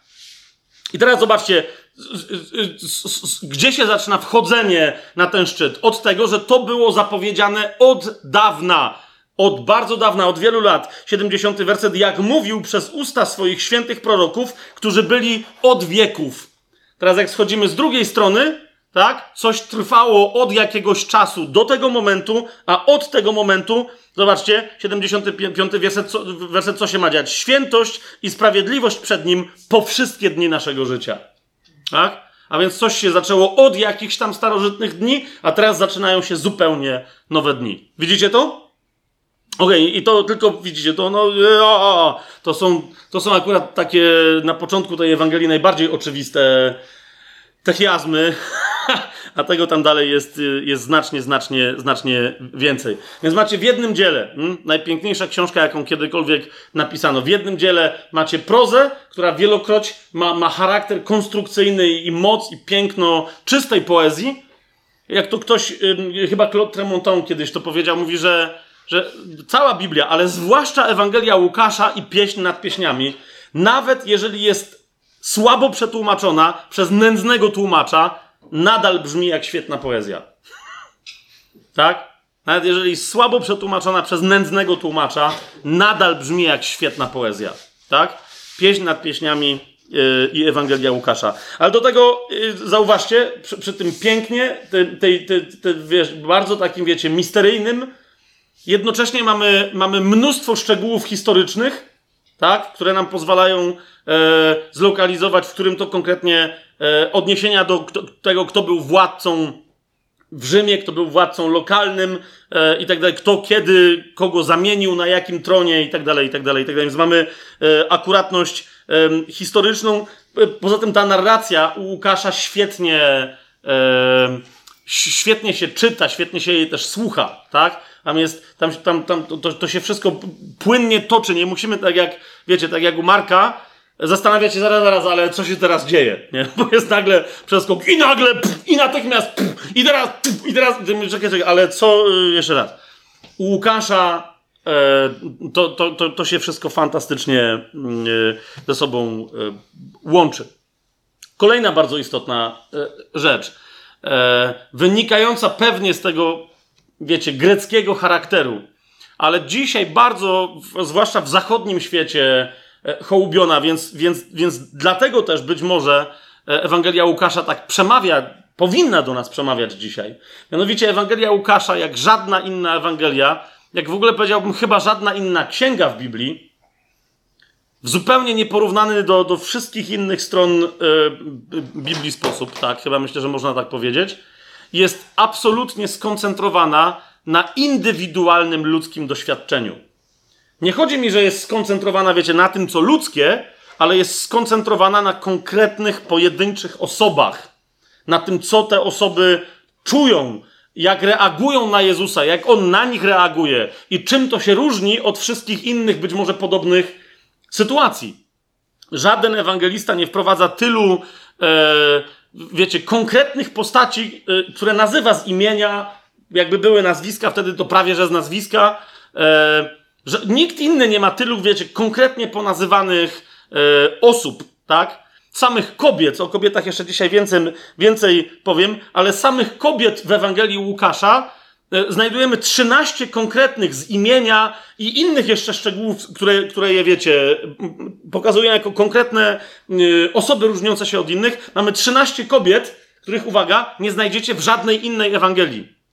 Czyli nie chodzi mi teraz, wiecie, o Marię, Matkę Jezusa i tak dalej, tylko po prostu mamy, mamy konkretnie ponazywane 13 takich kobiet, yy, które yy, są związane z życiem Jezusa, których nie znajdziecie w żadnej innej Ewangelii. Tak? Yy, sięgnijmy sobie po, po, po przykłady, dlaczego. może trzy czy cztery przykłady dam, e, żeby kiedy będziesz czytać tę Ewangelię, ja też zresztą, wiecie, żeby mieć to wyczucie, w których momentach nie ma się co rozpędzać. Tak? Zobaczcie sobie na przykład siódmy rozdział yy, tejże Ewangelii. 36 werset.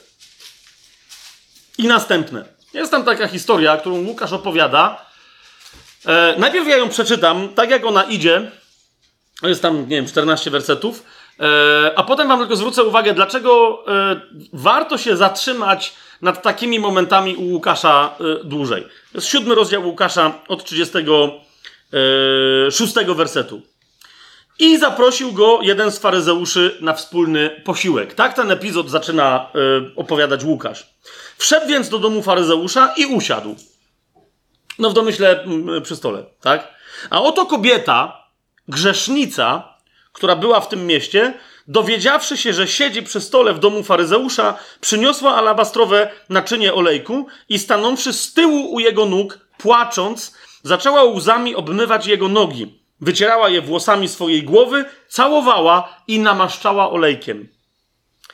A widząc to, faryzeusz, który go zaprosił, pomyślał sobie, gdyby on był prorokiem, wiedziałby kim i jaka jest ta kobieta, która go dotyka. Jest bowiem grzesznicą. A Jezus odezwał się do niego: Szymonie, mam ci coś do powiedzenia. Na co on odrzekł: Powiedz, nauczycielu. Słyszycie sarkazm już tutaj, nie? Po tym, co sobie myśli ten faryzeusz, Powiedz, nauczycielu. No i Jezus mu tam opowiada, no właśnie, jest historia w historii, tak? Opowiada mu tam pewną krótką, e, krótką przypowieść E, I tam e, zadaje pytanie temu faryzeuszowi, który nagle tutaj zaczyna nam być znany z imienia, że miał na imię Szymon. On odpowiedział Jezusowi. I teraz, kiedy on odpowiedział, przeskoczmy do 44 wersetu. Jezus, zauważcie, co jaki to jest. Okej, okay, Jezus, odwróciwszy się do kobiety, powiedział do Szymona: Widzisz tę kobietę? Wszedłem do twojego domu, a nie podałeś mi wody do nóg, ona zaś łzami obmyła moje nogi i otarła je swoimi włosami. Nie pocałowałeś mnie, a ona odkąd wszedłem nie przestała całować moich nóg. Nie namaściłeś mi głowy oliwą, a ona olejkiem namaściła moje nogi. Dlatego mówię ci, przebaczono jej wiele grzechów, gdyż bardzo umiłowała. A komu mało przebaczono, mało miłuje. Do niej zaś powiedział: Twoje grzechy są przebaczone. Wtedy współbiesiadnicy zaczęli mówić między sobą, kim jest ten, który ich grzechy przebacza. A powiedział do kobiety: Twoja wiara cię zbawiła. Idź w pokoju. I teraz wiecie, można przeczytać taką historię i iść dalej. Wiecie o co mi chodzi, tak? Jeszcze niektórzy się wtedy skoncentrują i zaczynają kombinować, jakieś teologie wymyślać na temat 47 e, e, wersetu, komu mało przebaczono, mało miłuje i tak dalej, i tak dalej, i wokół tego e, kombinować. Natomiast zwracam wam uwagę na jedną rzecz. Zauważcie, co tu się dzieje. Idźmy od początku. Mamy 36 werset. Zaprosił go jeden z faryzeuszy na wspólny posiłek. Wszedł więc do domu faryzeusza, usiadł przy stole. A oto kobieta, grzesznica, która była w tym mieście, dowiedziawszy się, że siedzi przy stole w domu faryzeusza, przyniosła alabastrowe naczynie olejku. To nie jest ta kobieta, która namaszcza Jezusa przed, e, niedługo przed jego śmiercią. Czy to jest jasne? Tak? E, stanąwszy z tyłu u jego nóg, płacząc, zaczęła. Okej, okay. rozumiecie? Łukasz mówi y, dwie rzeczy. Jedną mówi wprost, a drugą robi nie wprost. Wprost mówi, że to była wielka grzesznica, bardzo wielka. Wiecie, jeżeli jest bardzo wielka, to jak wielka, jeżeli całe miasto o niej wie, że jest wielką grzesznicą. Rozumiecie o co chodzi? To teraz, jak już wiecie, że całe miasto o niej wie, jak wielką ona jest grzesznicą w tamtej kulturze, ale i w naszej, to jak myślicie, cóż to za grzechy ona uprawia, aż takie, że wszyscy o tym wiedzą? Hmm? No, że ma dom, który w pewnym sensie jest publiczny. Hmm? Łukasz, nie, zauważcie, nie dotyka, on tylko mówi, że ona była grzesznicą, tak? Ale teraz druga rzecz. Tutaj może tego po polsku za bardzo nie widać, e, ale rzeczywiście Łukasz e, to jest jeden z najostrzejszych E, kto wie, czy dla niektórych nawet jest ostrzejszy ten fragment i dlatego nie, nie chcą go komentować. E, w sensie jego erotycznej natury jest, jest dla niektórych nawet jest ostrzejszy niż pieśń nad pieśniami, czy niektóre, niektóre fragmenty i wypowiedzi z Ezechiela. Tak? Bo po grecku to, co się tutaj dzieje, to rozumiecie, to jest prawie, e, no nie wiem, czy, czy ja nie wiem, jakie tam rzeczy po grecku, coś takiego jak Kamasutra. Rozumiecie? To, to jest po prostu, to jest jak, jak, jak no, zobaczcie razem ze mną, co się tutaj dzieje. 38 werset. To jest to. to. Dla niektórych to jest skandaliczne zdanie w Ewangelii Łukasza. Absolutny skandal to, co robi ta kobieta. I nawet jeżeli ona to zrobiła, to że Łukasz to napisał, a teraz wiecie, w domyśle ab absolutny skandal, no z tego by wynika, że też skandaliczne jest zachowanie Jezusa. Rozumiecie, bo ta kobieta wykonuje to, no, e, jest, są całe takie traktaty, które mówią o tym, że po prostu, że tu Łukasz się posługuje językiem, który wcale nie jest medyczny, tak? tylko jest taki poetycko-erotyczny. Że ta kobieta okazuje Jezusowi afekt, emocje okazuje, no ale w taki sposób trochę dwuznaczny. Hmm? Stanąwszy z tyłu u jego nóg, bo oni nie siedzieli przy stole, rozumiecie, tylko leżeli, na tam jakichś materacach przy bardzo niskim stole, dookoła tego stołu, tak jak i przy ostatniej wieczerze, oni tam leżeli. Więc stanąwszy z tyłu u jego nóg, płacząc, zaczęła łzami i teraz widzicie, Łukasz mówi płacząc. Widzisz to, że płacząc? Czy co masz we łbie? Tak? Bo jak sobie zapomnisz o tym, że płacząc, to teraz zauważ, stanęła z tyłu u jego nóg, płacząc, zaczęła łzami obmywać jego nogi, wycierała je włosami swojej głowy, no rozumiecie, one tam 6 metrów nie miały te włosy. Nawet jak miała bardzo długie te włosy, to zauważ, jak ona się zaczyna zbliżać fizycznie twarzą do Jezusa, do jego nóg, tak? I idzie w górę po tych nogach, tak? Więc zaczyna obmywać te nogi, wycierać je włosami swojej głowy, całować i namaszczać olejkiem. Widzicie, co się tu dzieje? I teraz e, Łukasz trochę gra z czytelnikiem, ja bym powiedział, że Duch Święty trochę gra z czytelnikiem, Zwłaszcza tym, który dobrze czyta po grecku, a? Bo, bo teraz, e, bo teraz e, wywołuje myśl, która w tobie może powstać, zwłaszcza jak ja ci teraz mówię, co się tu dzieje w tym tekście, a potem mówi, a, jeżeli ty se tak pomyślałaś, czy pomyślałeś, co się tutaj dzieje, no to nie jesteś osamotniona czy osamotniony, bo ten faryzeusz też tak pomyślał. Zobaczcie, co się dzieje. Widząc to, faryzeusz, który go zaprosił, pomyślał sobie, gdyby on był prorokiem, wiedziałby, kim i jaka jest ta kobieta, która się go dotyka. W domyśle w ten sposób, która go dotyka, tak jak to właśnie na, wszystkich, na oczach wszystkich widać, tak? Jest bowiem grzesznicą.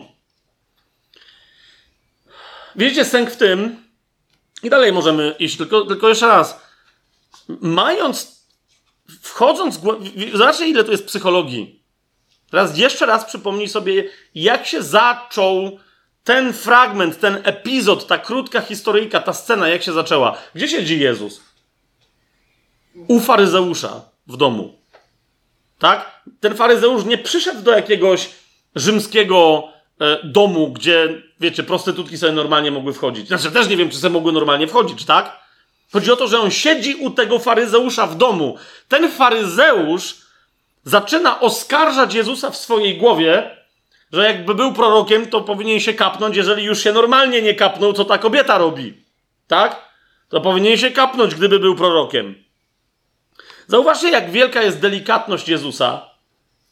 Ponieważ gdyby Jezus nawet nie był prorokiem, jakbym ja tam leżał, tak, i ktoś by, taka kobieta by przyszła, zaczęłaby coś cudować, to pierwsze pytanie miałbym do tego faryzeusza.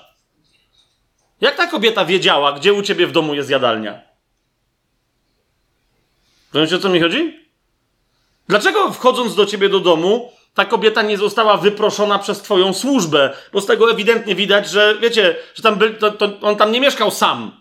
Pewnie miał żonę, albo może nie miał, tak? Ale tam jest więcej ludzi, jeżeli on wystawia, wystawia ucztę, na którą zaprasza Jezusa.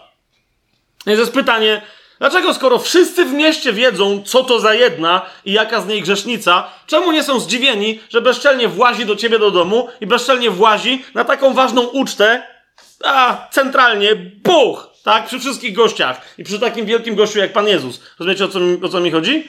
Jezus, zauważcie, że Jezus tego w ogóle nie komentuje. Tak? Jezus tego w ogóle nie komentuje. Jest prorokiem i wie, co to za kobieta. Teraz zauważcie, jak delikatny jest Łukasz w ogóle wobec tego faryzeusza. Że to, to wszystko, co ja wam teraz mówię, logicznie wynika z tego tekstu. Wiecie, dlaczego nie warto się spieszyć przy Łukaszu? Tylko trzeba patrzeć, co on mówi, nie pomiędzy słowami, tylko o czym w rzeczywistości jest ta historia. Tak, ta kobieta, będąc prawdopodobnie prostytutką, prawdopodobnie od, od, wielu lat, robiąc jeszcze jakieś inne straszne rzeczy, bo skoro ją grzesznicą nazwano, no nie wiadomo, co to, co to za historie tam były. Rozumiesz, by, być może nie była w stanie, ona nie wiedziała, jak inaczej okazać, wiecie, głębokie uczucie wdzięczności, miłości. Wiecie, o co mi chodzi, tak? Wobec Jezusa. Więc zrobiła najlepiej, jak umiała, najczyściej, jak umiała, to, co umiała, tak? Przyniosła prawdopodobnie najlepszą rzecz, jaką miała. Ten alabastrowy olejek całkiem możliwe, że to było jej życiowe zabezpieczenie.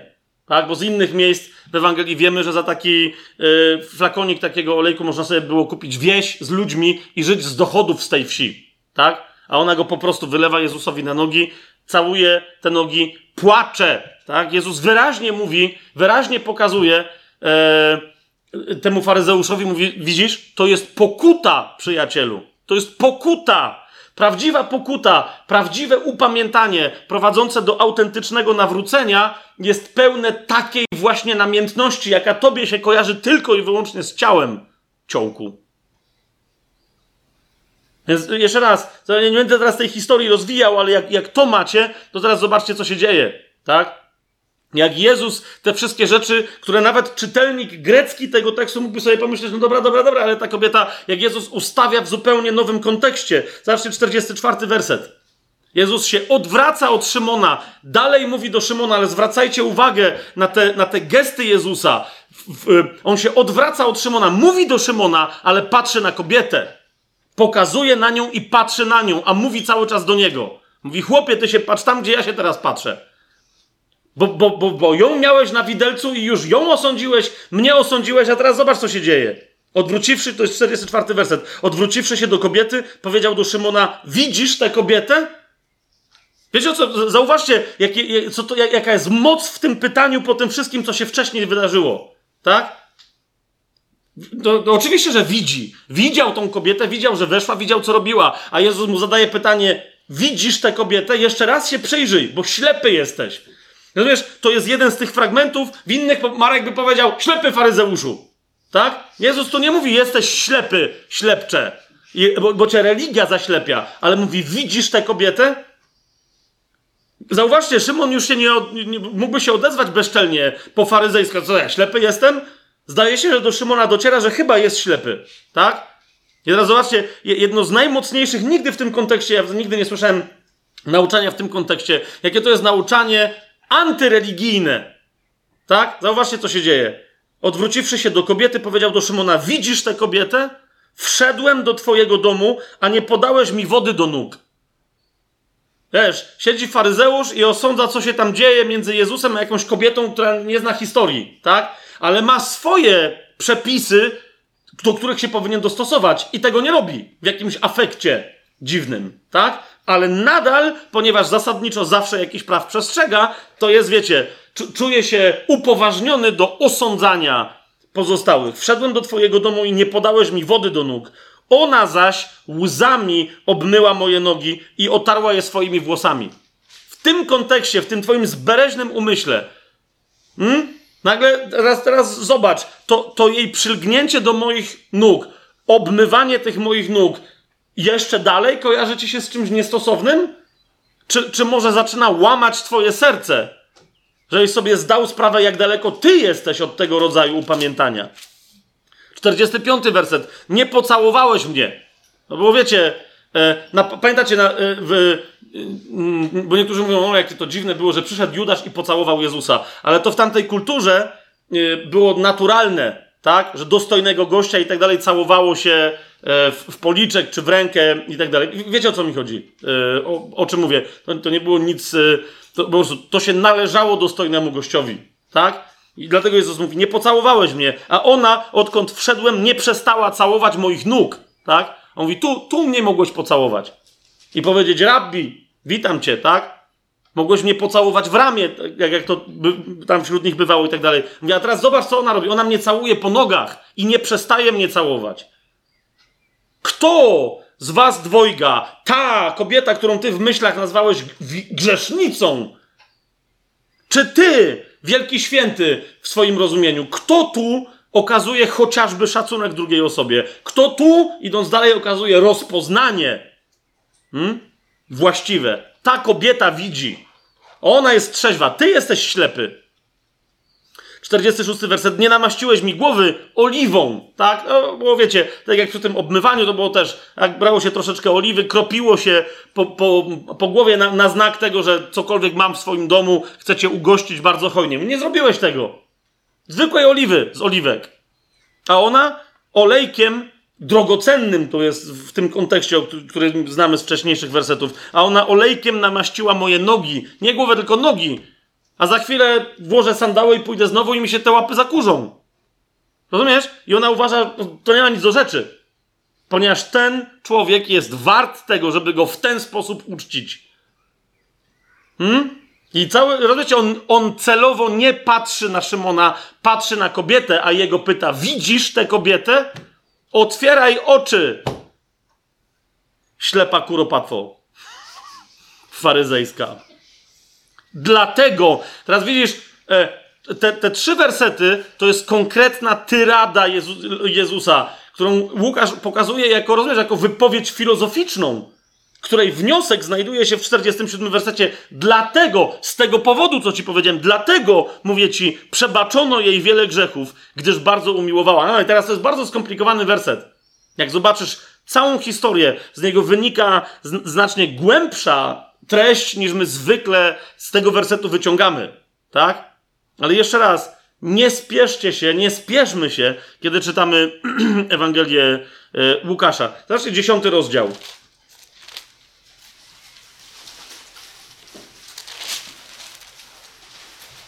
Trzydziesty ósmy werset. Nie, nie będziemy teraz tego, tego rozważać, ale jeszcze raz. Nie spieszcie się, kiedy, kiedy czytacie o, o, o, o Marcie i o Marii. Hmm? Jest parę wersetów, 38 do, do, 42, do 42 wersetu, ale przejrzyjcie się dobrze tym wszystkim informacjom, które są e, w, w tych wersetach zawarte, ale nie wypowiedziane wprost. Co tu się naprawdę dzieje, ok? Zauważcie, bo niektórzy, yy, wiecie, często sympatyzują z Martą. Tam niektórzy. Mnóstwo kobiet sympatyzuje z Martą, jak czytają o tej historii. No, że ej, zaraz, zaraz, no nie? Były dwie siostry. Były dwie siostry. Jedna nic, przyszli goście, bo tam z Jezusem przecież nie sam przyszedł, tak? Tylko dwunastu uczniów, przynajmniej, jak nie więcej. I teraz ta se siadła i słucha. I teraz Marta, rozumiecie, no, no, no która z kobiet. Dobra, tu już jest wiele doświadczeń. No, a, dobra. Ale wiecie, niektóre kobiety to czytają i mówią, ja nie bardzo tu rozumiem Pana Jezusa. Hmm? Ale teraz zauważcie, to, to nie o to chodzi, jak bardzo Marta jest zapracowana. Hmm? Zauważ, z kim my tu mamy do czynienia. To jest kobieta, która jest zapracowana, ale uważa, że to, to, jest, to jest kobiecy faryzeusz. Przyjrzyj się dobrze. Kim jest ta kobieta? Ona jest tak pokorna, jak, jak, jakby się wydawało, że no przecież kobieta tak zapracowana jest bardzo pokorna. Większość zapracowanych kobiet uważa, hej, zobacz, ja mam urobione łapy po łokcie, po pachy, po, po, po, po rzęsy. Hmm? A teraz zauważ, ta, ta urobiona kobieta, zauważ, co się dzieje. 40 werset. Jest tak pokorna w tym swoim urobieniu, że rozkazuje Jezusowi. Zauważyliście to? To, jest centralny moment tej historii. Panie, czy nie obchodzi cię, że moja siostra zostawiła mnie samą przy usługiwaniu? Wiecie, powiedz jej, aby mi pomogła. To jest rozkaz. To jest rozkaz zaraz po takim, no ja ci nie wyrzucam, że coś źle robisz, ale jak nie wiesz, że źle robisz, to to se szybciej uświadom, niż bym ja cię miała bardziej uświadomić. To wiecie, to jest, czy nie obchodzi cię, wiesz, to jest parę wersetów. To jest parę wersetów. A, a, tutaj mamy źródło nawrócenia wielu kobiet. Przestań harować. I, I, zauważ, zauważ, jak, z jakim miłosierdziem się Jezus do Marty tutaj odnosi. To naprawdę tu jest znacznie więcej opowiedziane, niż by się tylko z pobieżnej lektury wydawało. Jezus jej nie ruga, nie, nie, nie, nic jej nie mówi, tylko, tylko, jej, tylko jej pokazuje pewną perspektywę, tak? Hmm? I, no, no, to nie są tylko kobiety, bo to wiesz, wiecie, ilu facetów też się zacharowują na śmierć i potem że nikt tu nie jest wdzięczny. Jak ty harujesz po to, żeby ktoś był wdzięczny, a nikt nie jest, to może przestań, nie? Może wcale nie robisz czegoś, co komukolwiek jest do czegokolwiek potrzebne. I teraz to mówi do mężczyzn i do kobiet. To jest to, co tu Jezus mówi. No zobacz, Maria, przyjrzyj się Marii. Przyjrzyj się Marii. Ona wybrała cząstkę i teraz co to jest? Siedzenie? Słuchanie? Co wybrała Maria? Bo zauważ, co tu jest powiedziane, 42 werset. Maria wybrała dobrą cząstkę, której nigdy nie będzie pozbawiona. Ona jej nigdy nie będzie odebrana. Rozumiesz, co się dzieje? Więc, a on do Marty mówi, a ty to rozumiesz, no za chwilę my wejdziemy i coś zjemy albo nie, pójdziemy. Zauważ, jej nikt w tej historii nie prosi, żeby ona coś robiła, żeby... Nic się takiego nie dzieje. Natomiast jaka ona weszła, Marta, w tę historię, taka może z niej wyjść. Jezus pójdzie, a ona dalej będzie miała pretensje do niego, do innych. A z chłopami to jest tak zawsze. Nagotowałam tyle, nic nie zjedli. No wiecie.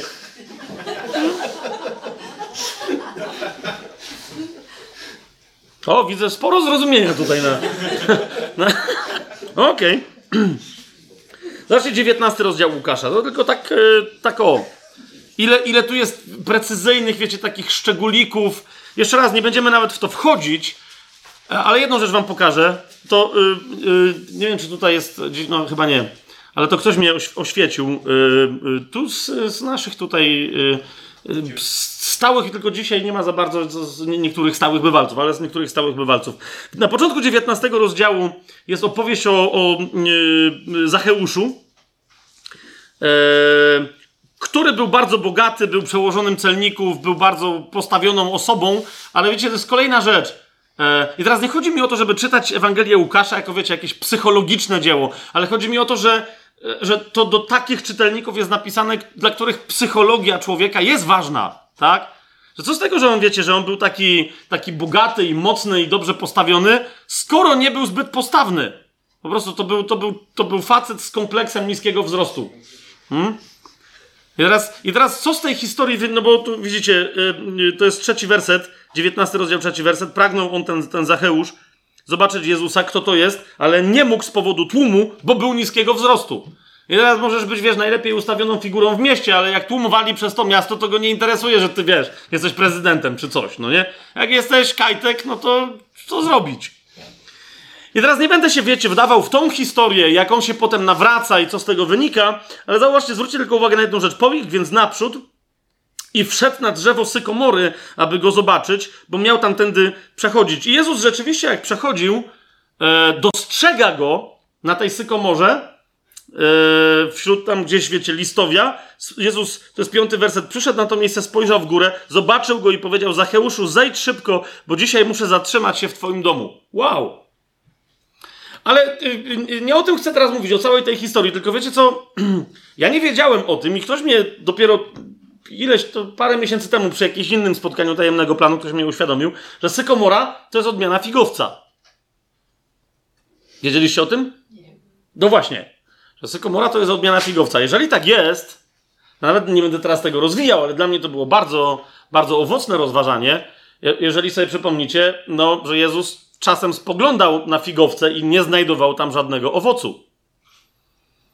I tu nagle macie, rozumiecie o co mi chodzi? Drzewo, na którym masz konkretny pok owoc pokornego nawrócenia, które się właśnie zaczyna. Tak? Zacheusza, którego zna całe miasto z innych powodów, który dba o, wiecie, o swój PR, o swoje dobre imię i tak dalej. W pewnym momencie macha ręką i mówi, a dobra, niech myślą co chcą, chcę zobaczyć tego gościa, co to za jeden. I właśnie na drzewo. Jak cymbał. Jak, wie, znaczy cymbał, w sensie jak taki chłopak, no wie, wiecie o co chodzi, no nie? Takie chłopaki, wiecie, z huty tam sobie mogą wejść na drzewo, no nie? Tam patrzeć, nawet jak mają 45, no ja bym tam miał pewien problem, że wchodzisz na sykomorę. Dzisiaj, ale no okej. Okay. Ale, ale nie ktoś taki, tak? Kto, kto bardzo, zwłaszcza ze względu na ten swój niski wzrost, dba o to, wiecie, żeby innymi atrybutami pokazać, że he, he, może jestem i niski, mały, ale śmiały. Hmm? Szacun na więc y, jeszcze raz nawet nie będę teraz, wiecie, tego, tego roztrząsał, ale przyjrzyjcie się temu. I teraz, y, jeszcze raz, bo tego jest mnóstwo, tych, tego indywidualnego y, podejścia, ale jeden dla mnie najbardziej poruszający fragment, to jest też znany, wydarzenie oczywiście, ono jest znane też z innych Ewangelii. Ale tylko Łukasz pokazuje taki aspekt tego wydarzenia, który jest tak, no, wstrząsający, tak, dotykający, przynajmniej dla mnie. To jest 22 e, rozdział Ewangelii e, Łukasza, to jest sytuacja, kiedy Piotr, Szymon Piotr się zapiera Jezusa trzykrotnie, zanim wieje kogut. I tylko Łukasz zwraca uwagę, bo tam, wiecie, my wiemy o tym, że, że jak do Piotra dotarło, że się zaparł Jezusa, e, no to po prostu to się załamał. Tak? I, I tak, gdyby nie Łukasz, taką moglibyśmy mieć interpretację tego wydarzenia. Ale, ale wiecie, ale Łukasz dodaje jeden bardzo istotny aspekt. Co to się stało, że Szymon Piotr wyszedł na zewnątrz z tego dziedzińca, yy, gdzie tam się grzał przy ogniu i, i, i, badał, co się to wydarzy, gdzie się trzykrotnie zaparł Jezusa. Co to się stało, że Piotr wyszedł i zapłakał? Zobaczcie, to jest 61, drugi i trzeci werset. Otóż zaraz po tym, jak Piotr w 60 wersecie trzeci raz się Jezusa zapiera, wtedy dowiadujemy się, że nagle zaraz obok niego, na tym dziedzińcu, prawdopodobnie wyprowadzony po tych przesłuchaniach yy, u arcykapłana, prawdopodobnie wyprowadzony, pojawia się Jezus. Tak? Zaraz obok niego. I teraz co się dzieje? Ten Jezus, niezależnie od tego, co się wokół niego dzieje, ma pełną świadomość, że jest tutaj jego uczeń, któremu zapowiedział, że się go zaprze. Rozumiesz? I Jezus, mimo że ma co innego, że się tak wyrażę, co innego w tym momencie na głowie, nie zapomina o nim, ale patrzy w jego stronę i patrzy mu w oczy. Pan odwrócił się i spojrzał na Piotra. Wiesz, to jest jeden z tych momentów, który to, to się. To, kapujesz, jakby to był film, to ta scena by trwała. Rozumiecie o co mi chodzi? Ona, to, to by trwało, to by nie było, a bam, bam, bam, poszli. To nie jest Marek, tak? To jest dramat psychologiczny Ewangelia Łukasza. Poza innymi, to poza innymi rzeczami. To spojrzenie by trwało, tak? I Jezusowe spojrzenie i Piotra spojrzenie, to by trwało. Tak? Po co? Żeby widz się przekonał, że jak Jezus, da, że, że w spojrzeniu Jezusa nigdy nic się nie zmienia. W najgorszej sytuacji Jezus ma dalej to samo przebaczenie, miłosierdzie i miłość w swoich oczach. Rozumiecie o co mi chodzi? I, i, i dlatego na to, na, to na, na tym spojrzeniu przypomniał sobie Piotr słowa Pana, jak mu powiedział, zanim kogut zapieje, trzy razy się mnie wyprzesz. I Piotr, wyszedłszy na zewnątrz, gorzko zapłakał.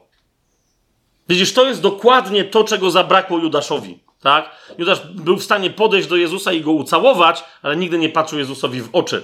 A dobra, to jest moje przesada, może nie, nie wiem, czy nigdy, tak? Ale już na pewno nie wtedy. Po prostu. Na, pe na pewno nie wtedy.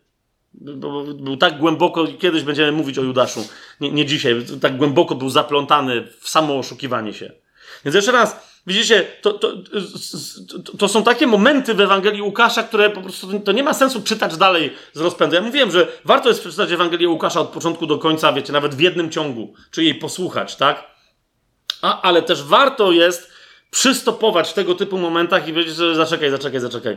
Co tu naprawdę zostało napisane? Co tu naprawdę, naprawdę zostało oświadczone? Co to znaczy Pan odwrócił się i spojrzał na Piotra? Zauważ, że to jest też nietypowe dla Łukasza, bo on nie, on, wiesz, o, rozumiesz, że on, że on mnie, ciebie, jako wiesz, jako czytelnika, on nas zaskakuje tym Panem, który, wiesz, to jest w samym środku Piotrowego zapierania się Jezusa. Rozumiesz, o co mi chodzi?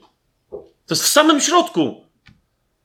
Jesz, jeszcze raz, bo, bo, bo, to jest, wiesz, to nie jest tylko kwestia, że Piotr tam, tylko rozumiesz, to jest dokładnie, to jest dokładnie ten, ten moment, kiedy, jeżeli się zdarza ci się grzeszyć, rozumiesz, że, że zanim ty sobie uświadomisz, co się to właśnie wydarzyło, głębie bez sensu i, i, i tragedii tego, co się wydarzyło, i twojej winy, czy mojej, to rozumiesz, to, to Jezus, kiedy przychodzi, nawet z tym, bo zauważ, że tutaj e, Piotr sobie na tym spojrzeniu uświadamia, zaraz, zaraz, zaraz, co się to stało.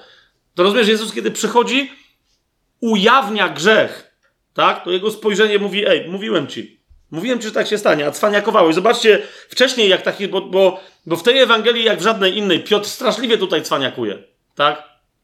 Ale to tak straszliwie. Zobaczcie 33 werset. Zaraz po, zwłaszcza chodzi mi o kontekst. Zaraz po tym, jak Jezus mu mówi, prosiłem za tobą, mówi do Szymona, prosiłem za tobą, żeby nie ustała twoja wiara, ty zaś, kiedy się nawrócisz, utwierdzaj swoich braci, tak? Więc to jest moment, kiedy Jezus, Łukasz to klarownie przedstawia, że Jezus mówi Piotrowi, mówi, ty może mnie znasz, może wyznałeś mnie jako Mesjasza, ale ty jeszcze się nie nawróciłeś, chłopie. Jak się nawrócisz, to wtedy, u, u, a, a rozumiecie, on tego w ogóle nie przyjmuje do wiadomości. Jakby w ogóle nie słyszał, że się ma nawrócić, tylko mówi 33 werset: Panie, za tobą gotów jestem iść i do więzienia, i na śmierć. Tak, jasne. To właśnie zaraz potem widać, no nie?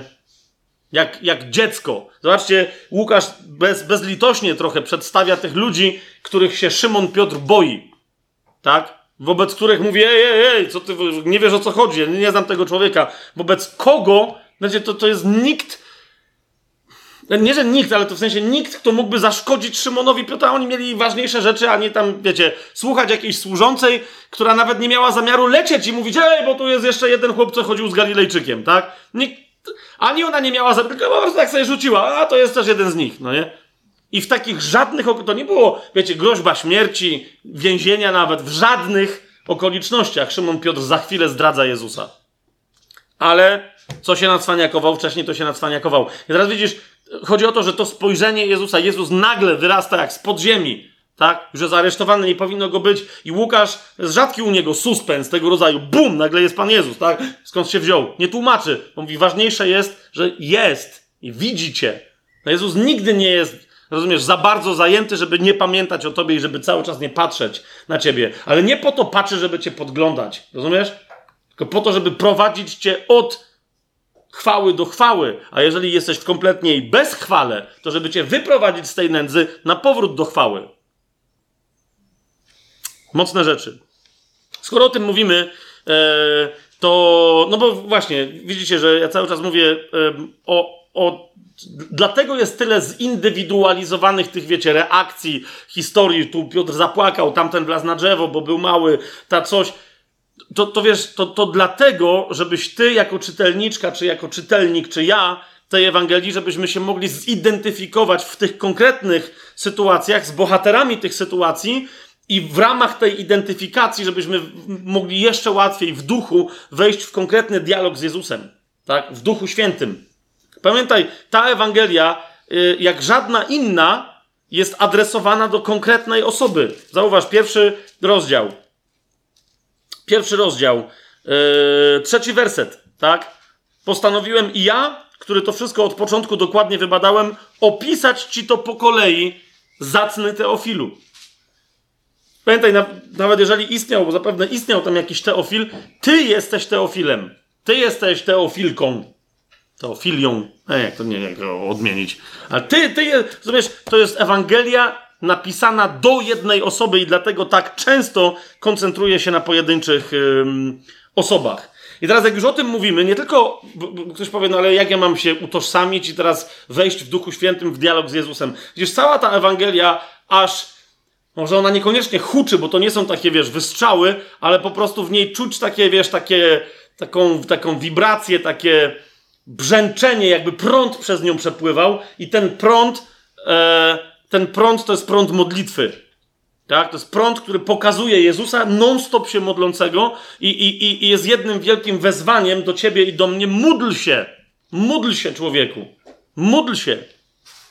Zobaczcie, trzeci rozdział, 21 e, werset. Tak, Jezus cały czas się modli. Zobaczcie, trzeci rozdział, 21 e, werset.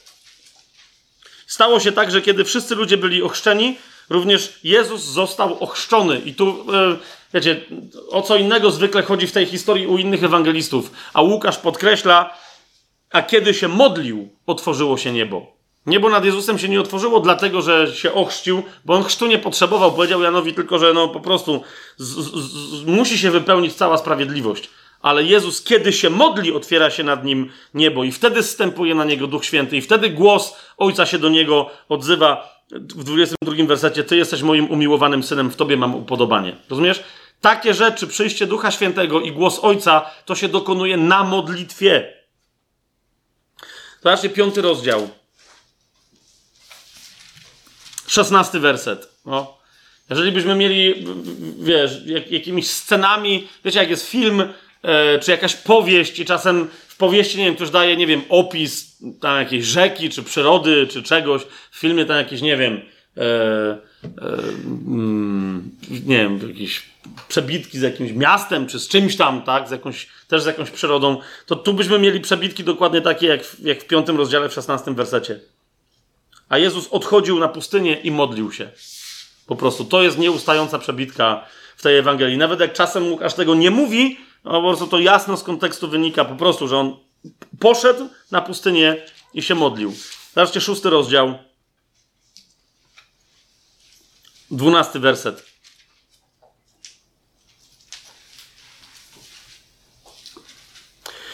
W tych dniach odszedł na górę, aby się modlić i spędził całą noc na modlitwie do Boga. Jezus miał bardzo, bardzo mocny dzień. Tak? Zauważcie, ten dzień się skończył, znaczy jedenasty werset. Oni wpadli we wściekłość i rozmawiali między sobą, co by zrobić Jezusowi. Hmm? A jacyś tam ludzie wpadli we wściekłość, zastanawiali się, jak go zabić. Po takim mocnym dniu idzie na górę, więc jest zmęczony fizycznie, bo ta góra to jest góra, nie jakiś pagóreczek. Modli się całą noc, a kiedy nastaje dzień, nie idzie spać, tylko schodzi, przywołuje swoich uczniów i to jest dokładnie moment, kiedy wybiera dwunastu, których nazywa apostołami. Tak? To jest trzynasty werset. Jezus się modli, Jezus żyje modlitwą. Jezus, kiedy, kiedy dochodzi do przełomów, pokazuje nam, że przełomy, e, także które, wiecie, wynikają, wydawałoby się, z Jego decyzji. Jezus nie podejmuje decyzji bez przedłużonej modlitwy. To jest, to jest jasny przekaz e, wynikający z tej Ewangelii. Zobaczcie, dziewiąty, e, dziewiąty rozdział.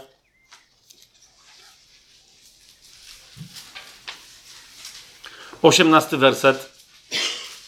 Stało się tak, że kiedy modlił się na osobności, a byli z nim uczniowie, zapytał ich, za kogo mnie ludzie uważają. Zauważ pewne, pewne pytania, które mają, nie chodzi o to, że on nie wie, tak? tylko które mają z innych ludzi coś wydobyć. Sposób więc interakcji z uczniami i innymi jest wynikiem Jezusowej, yy, bardzo klarownie, wynikiem Jezusowej modlitwy. W 28 wersecie E, kiedy, kiedy Jezus bierze tych trzech swoich uczniów na górę i jak niektórzy mówią, że, że ich wziął na górę, żeby się tam wobec nich przemienić. Zauważcie, Łukasz mówi, że celem wejścia Jezusa na, na górę było nie przemienić się, ale była modlitwa. Tak? 28 werset mówi, w jakieś 8 dni po tych mowach wziął za sobą Piotra, Jana i Jakuba i wszedł na górę, aby się tam modlić. A kiedy się modlił, zmienił się wygląd jego oblicza i tak dalej, i tak dalej, i tak dalej. Tak? Jezus tam nie wszedł, żeby się przemienić. Nawet jeżeli wiedział, że, że dojdzie do tego, do, do tego rodzaju objawienia jego osoby, to tak czy siak to nie jest celem jego działania, tak? On tam wchodzi, żeby się modlić i Łukasz to bardzo wyraźnie, bardzo wyraźnie stwierdza. Zobaczcie, jedenasty rozdział.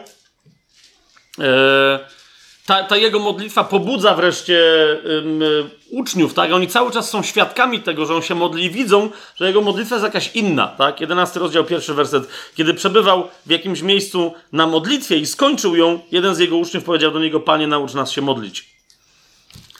22 y, rozdział, bo to można byłoby ciągnąć, ale, ale zobaczcie, 22 rozdział,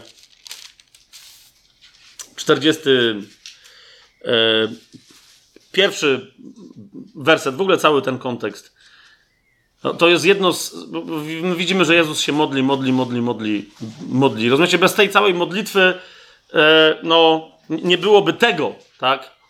Jezus dochodzi e, w ramach zmagania na modlitwie do miejsca, do którego nikt z nas nigdy nie dojdzie. Nie, my byśmy tego nie przeżyli, tak? 41 werset to jest Getsemani. Mówi, y, że Jezus sam oddalił się od nich na odległość jakby rzutu kamieniem, upadł na kolana i, i modlił się. I potem 44 werset dodaje, w śmiertelnym zmaganiu jeszcze gorliwiej się modlił, a jego pot był jak krople krwi spadające na ziemię. Tylko Łukasz e, o tym pisze. I, I, jako lekarzowi możemy mu ufać, że to nie jest tylko porównanie. Zresztą z tekstu wynika, że że po prostu to, ten, ten pot był pomieszany po prostu z, z krwią. Rozumiesz, gdzie Jezus na modlitwie zaszedł. Teraz e, ta Ewangelia pokazuje Jezusa wzrastającego. On był Synem Bożym, jest Panem, Mesjaszem, Zbawicielem, ale, ale, a, ale wiesz, a, ale, ale przyszedł na ten świat jako człowiek z całą słabością człowieka. Hmm? Z całą słabością człowieka. Także po to, żeby nam pokazać, rozumiesz, możesz, możesz wielkich rzeczy dokonać, a, ale to, ale współ, to, i to jest zawsze tylko i wyłącznie na bazie mojej łaski, ale współpracuj z moją łaską. Żeby wykorzystać łaskę, to od ciebie wymaga wysiłku. Ja nie, nie wymagam od ciebie wysiłku, żebyś ty sama z siebie, czy sam z siebie coś tam wyprodukował. Niemniej skorzystanie z mojej łaski w tej kondycji, w której wy się znajdujecie, w tych upadłych ciałach, w tym upadłym świecie, samo z siebie już wymaga wysiłku. Skąd masz mieć siłę do tego wysiłku? Z modlitwy. Jezus uczy modlitwy, nie będziemy tam nawet przechodzić, tylko wam mówię, to właśnie jak wiele Jezus w tej Ewangelii uczy modlitwy. To jest 11 rozdział od 2 do 13 wersetu, 18 rozdział od 1 e, do 14 wersetu. Wielokrotnie wzywa do modlitwy, mówi módlcie się, nie tylko w Getsemani, bo inni o tym też świadczą, ale też w innych miejscach, tak? Wyjaśnia charakter e, modlitwy wstawienniczej. No, no, to, to u Łukasza tylko dowiadujemy się, że każda modlitwa prośby spotyka się z natychmiastową odpowiedzią Ojca, która do nas przychodzi w Duchu Świętym. Hmm? To tylko u Łukasza o tym mamy na ten temat takie precyzyjne e, wypowiedzi. I wreszcie zauważcie, Łukasz, jak nikt inny, nie mówię, że tylko on, ale, ale w Nowym Testamencie, e, zwłaszcza w, w, w Ewangeliach, Łukasz jak nikt inny cytuje modlitwy. Tylko pierwszy i drugi rozdział tej Ewangelii jest, wiecie, wypełniony modlitwami. Modlitwą e, Marii, modlitwą Zachariasza, modlitwą Symeona. Wie, wiecie o czym mówię, tak? Są konkretne, rozciągnięte. On mówi, zobacz, tak się modliła ona. Zobacz, tak się ten pomodlił. A jeszcze ten gość w taki sposób. Jak ty się modlisz? Hmm? Kiedy jesteś pod wpływem Ducha Świętego, bo jak nie jesteś pod wpływem Ducha Świętego, to w ogóle jest pytanie, czy się modlisz, tak? Ale, ale, ale sprawdź, jak wygląda Twoja modlitwa, Twoje uwielbienie, Twoje i tak dalej, i tak dalej. I teraz. E, no, oczywiście już wiele o tym powiedziałem, e, a, ale musimy sobie to jasno powiedzieć. Bohaterem Ewangelii Łukasza oczywiście jest Jezus ale w odróżnieniu od wszystkich innych Ewangelii, pamiętacie, kim jest Jezus w Ewangelii Mateusza, kim jest Jezus w Ewangelii Marka, w Ewangelii Łukasza Jezus jest przedstawiony jako doskonały Syn Człowieczy. Tak? W żadnej innej Ewangelii nie, nie, powtarza się tak często tytuł Syn Człowieczy. W żadnej innej Ewangelii Jezus sam o sobie nie mówi tak często, wręcz w trzeciej osobie Syn Człowieczy, Mając siebie na myśli, w żadnej innej Ewangelii, tak jak u Łukasza. I jednocześnie, a więc, a więc rozumiecie, ta, ta, ta Ewangelia jest, no, skoro ona jest skierowana do umysłu greckiego, to ona musi mówić wiele o człowieku, musi mówić wiele o człowieczeństwie Jezusa, ale we właściwym kontekście, bo, bo Łukasz wcale nie, nie zapomina o tym, że to jest wcielony Bóg, który stał się człowiekiem, tak? Niemniej ta, ta Ewangelia też, jak żadna inna, jest niezwykle, jeżeli mówimy o, o tym, że jest no, poświęcona naturze ludzkiej, jej nędzy i, i, i nadziei na wyjście z tej nędzy, to jest też bardzo, taka wiecie, przeniknięta humanitaryzmem. Nie humanizmem, żeby to było jasne, tak, ale humanitaryzmem. Spełna miłosierdzia. Um, no, okej, okay. ja sobie sformułowałem taką, y, takie, taką, taką tezę jedną, co to znaczy, że w Ewangelii Łukasza Jezus jest przedstawiony jako doskonały syn człowieczy, tak? E, pewnie tych, tych elementów mogłoby być więcej, ale dla mnie najważniejsze są następujące. Co to znaczy? Mianowicie, że Jezus jest synem Boga, Ojca, że jest Bogiem, tak? Jest, jest, jest Bogiem, jest synem Boga Ojca. I teraz, jako ten syn Boży, staje się człowiekiem. I teraz staje się człowiekiem w pełni z wyjątkiem grzechu. Co to znaczy? Że przychodzi w ciele i nawet kiedy umiera, zmartwychwstaje w ciele. W ciele idzie do nieba i w ciele powróci na ziemię. To jest bardzo istotne to ciało. Zaraz sobie te, to rozwiniemy, tak? No to jest pierwsza rzecz. U Łukasza ciało jest bardzo ważne. Także to, co się wiąże z ciałem. Niektórzy mówią na przykład, że nie ma w żadnej innej Ewangelii, w ogóle w żadnej innej księdze w Nowym Przymierzu tylu opisanych posiłków i charakteru posiłków, jak w Ewangelii mm, Łukasza. Wręcz dla tam jednego zagadnienia posiłek jest kluczowy, tak? Jezus się posługuje posiłkiem jako dowodem, ale o tym za chwilę. A więc, a więc Syn Boży stał się człowiekiem, to znaczy, że, że, że jest w ciele, tak? Po drugie, że ten syn człowieczy stał się, ten syn Boży stał się synem człowieczym, po co? Stał się człowiekiem, żeby zbawić ludzi. Nie ma żadnej innej możliwości, tak? A więc, żeby zbawić ludzi. Jak ci ludzie mogą przyjąć od niego zbawienie? Przez wiarę. To jest temat Ewangelii Łukasza. Jeszcze mocniej się pojawia u Jana, ale to jest temat Ewangelii Łukasza. Zadziwiają niektórzy, nie wiem, jakoś potem mówią, gdzie? Jest. Tyle tylko, że, że Łukasz sobie zdaje sprawę, że bardzo łatwo jest ludziom e, mów, powiedzieć wiara, a myśleć religia i ogromne pasusy całe w tej Ewangelii swojej poświęca na to, żeby odróżnić, że to jest, że, że, że zbawienie przez wiarę otrzymuje się od, od Jezusa nie w oparciu o religię, ale o osobiste upamiętanie, nawrócenie i, i wejście w trwałą relację, czyli więź z Ojcem przez Jezusa w Duchu Świętym. Hmm? Więc w związku z tym mamy i Ducha Świętego, i Ojca, i, i tą relację bardzo jasno w tej Ewangelii e, opisaną. I teraz, że, że, żeby nie było, że, że łatwo jest powiedzieć, hej, ja nawróciłem się, mam relację przez Jezusa z Ojcem, to, to nie tylko wskazuje na to, że trzeba mieć tą relację Łukasz, ale też mówi, że miernikiem tej relacji, czy wręcz, nie wiem, dowodem, papierkiem lakmusowym tej relacji jest co? Dojrzałe uczniostwo. Tak?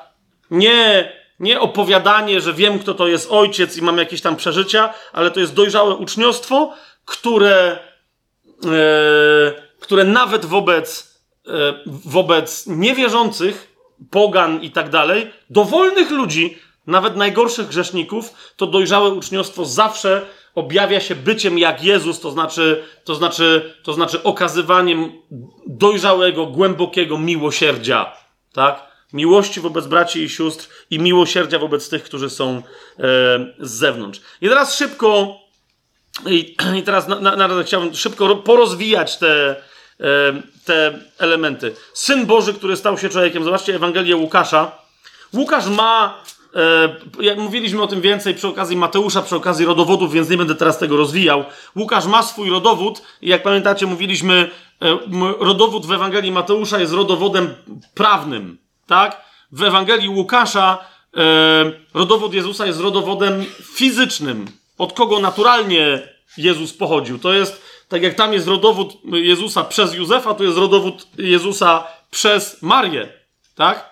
Ale co jest dla nas istotne, że, bo, bo Łukasz też z pewnego interesującego powodu odwrócił kolejność. Tak? Mateusz pokazuje, jak to dociera do Jezusa od początku do końca. No i ten początek to nie jest w zasadzie jakiś specjalny początek, a Łukasz idzie od początku do końca, tak? I mówi, co jest właściwym źródłem. Więc y, mamy cały, y, cały rodowód Jezusa, to jest w trzecim rozdziale na końcu, który nam pokazuje właśnie tą, tą inną ścieżkę Jezusowego pochodzenia, ale zauważcie, na samym końcu w 38 wersecie mamy powiedziane Syn Człowieczy, który jest Synem Boga. Tak? Bo ostatecznie Jezus, 23 werset, był, jak sądzono, synem Józefa, syna Helego, syna i tak dalej, i tak ale na końcu docieramy 38 werset, synem, syna Enosa, syna Seta, syna Adama. I wiecie, normalnie, gdyby to był Grek, to by tu skończył. No bo Adam, jeżeli to był pierwszy człowiek, to tyle, tak? A on tu dodaje, jakby robił takie oko i mówi, wiecie o co chodzi, no nie? Syna Adama, ale syna Boga. Hmm? I teraz to jest opis najprostszy, najkrótszy, najbardziej lakoniczny, ale i niezwykle głęboki, tak? Kto to jest Jezus? To jest w sensie ludzkiego pochodzenia syn Adama, ale w sensie swojej oryginalnej natury jedyny prawdziwy syn Boga. Tak? Syn Adama, syn Boga. Nawiasem mówiąc, Adam znaczy po prostu, yy, no nie człowiek, bo, bo Adam znaczy ziemianin, tak? Ktoś, kto jest zrobiony z ziemi. No ale w, w, tym sensie to oznacza, no, kogoś, kto pochodzi z Ziemi. No, wiecie o co mi chodzi, tak? No, nawet włącznie z, nie wiem, planetą, czy jak to tam nazwać. Yy, I, i, I teraz tak przedstawia, yy, tak go przedstawia, zresztą tak samo go przedstawia, wiecie, jak, jak, jak Paweł to robi. Zobaczcie list do Galacjan yy, Pawłowy. To, to po prostu Ewangelia Łukasza to jest mocne rozwinięcie tego, co, co Paweł powiedział w jednym zdaniu, to w liście do Galacjan w czwartym rozdziale, w czwartym wersecie. I, I tak też wiecie, całe objawienie się Jezusa i opis u Łukasza w, w, w świetle tego jednego zdania Pawła należy rozumieć, które brzmi: Kiedy nadeszła pełnia czasu, Bóg posłał swojego syna, który się zrodził z kobiety, zrodził się pod prawem. Tak? A więc zrodził się w Izraelu, no bo to znaczy, że, że pod prawem zrodził się jako Izraelita, urodził się, przyszedł na świat w rodzinie praktykujących Żydów i sam był praktykującym Żydem. To jest bardzo, bardzo istotne. Tak go też, i, i dokładnie tak go przedstawia Łukasz, tak? Idąc za, za tym tropem rozumowania, e, kierunkiem rozumowania mm, e, Pawła. I teraz, dlaczego mówię, że to jest istotne, że przyszedł w ciele? Łukasz pisał pewnie już wtedy, kiedy się problemy zaczęły, że się zaczęli pojawiać tam różni, różni ludzie, którzy zaczęli twierdzić, że to a ciało Jezusa to jest nieistotne, e, Jezus, Bóg jest duchem, jeżeli Jezus jest Bogiem, to to musi wszystko się odbywać duchowo. Wiecie, może się skończyć no, na takiej herezji, która prowadzi ludzi na potworne manowce, tak? Że, że wręcz, że niektórzy twierdząc, że wierzą w Jezusa jako w Syna Bożego, nie wierzą w Jego w ogóle przyjście w ciele, tak? Widzę świadkowie Jehowy, być może tam niektóre odłamy badaczy, tego nie wiem dokładnie, co się tam dzieje, ale badaczy Pisma Świętego i tak dalej, i tak dalej, tak? Że Jezus tak naprawdę to, to, to po prostu to, to jest ściema boska, tak? Świadkowie Jehowy uważają, że to jest anioł, który przyszedł na, na, na, na ziemię i później się okazało, że no właśnie, że jest aniołem, jako człowiek tam raz miał, raz nie miał świadomości, kim jest i te wszystkie dziwne mm, historie. Zresztą to nie jest jedyna E, grupa, która w ten sposób mówi, więc dlatego przypomnę Jana. Zobaczcie sobie e, pierwszy list Jana, który w e, czwartym rozdziale, w drugim i trzecim wersecie mówi następującą rzecz. Po tym poznacie Ducha Bożego, to jest pierwszy list Jana, czwarty rozdział 2-3. Po tym poznacie Ducha Bożego. Każdy duch, który wyznaje, że Jezus Chrystus przyszedł w ciele, jest z Boga. Każdy zaś duch, który nie wyznaje, że Jezus Chrystus przyszedł w ciele, nie jest z Boga. Jest to duch antychrysta, o którym słyszeliście, że nadchodzi i już teraz jest na świecie.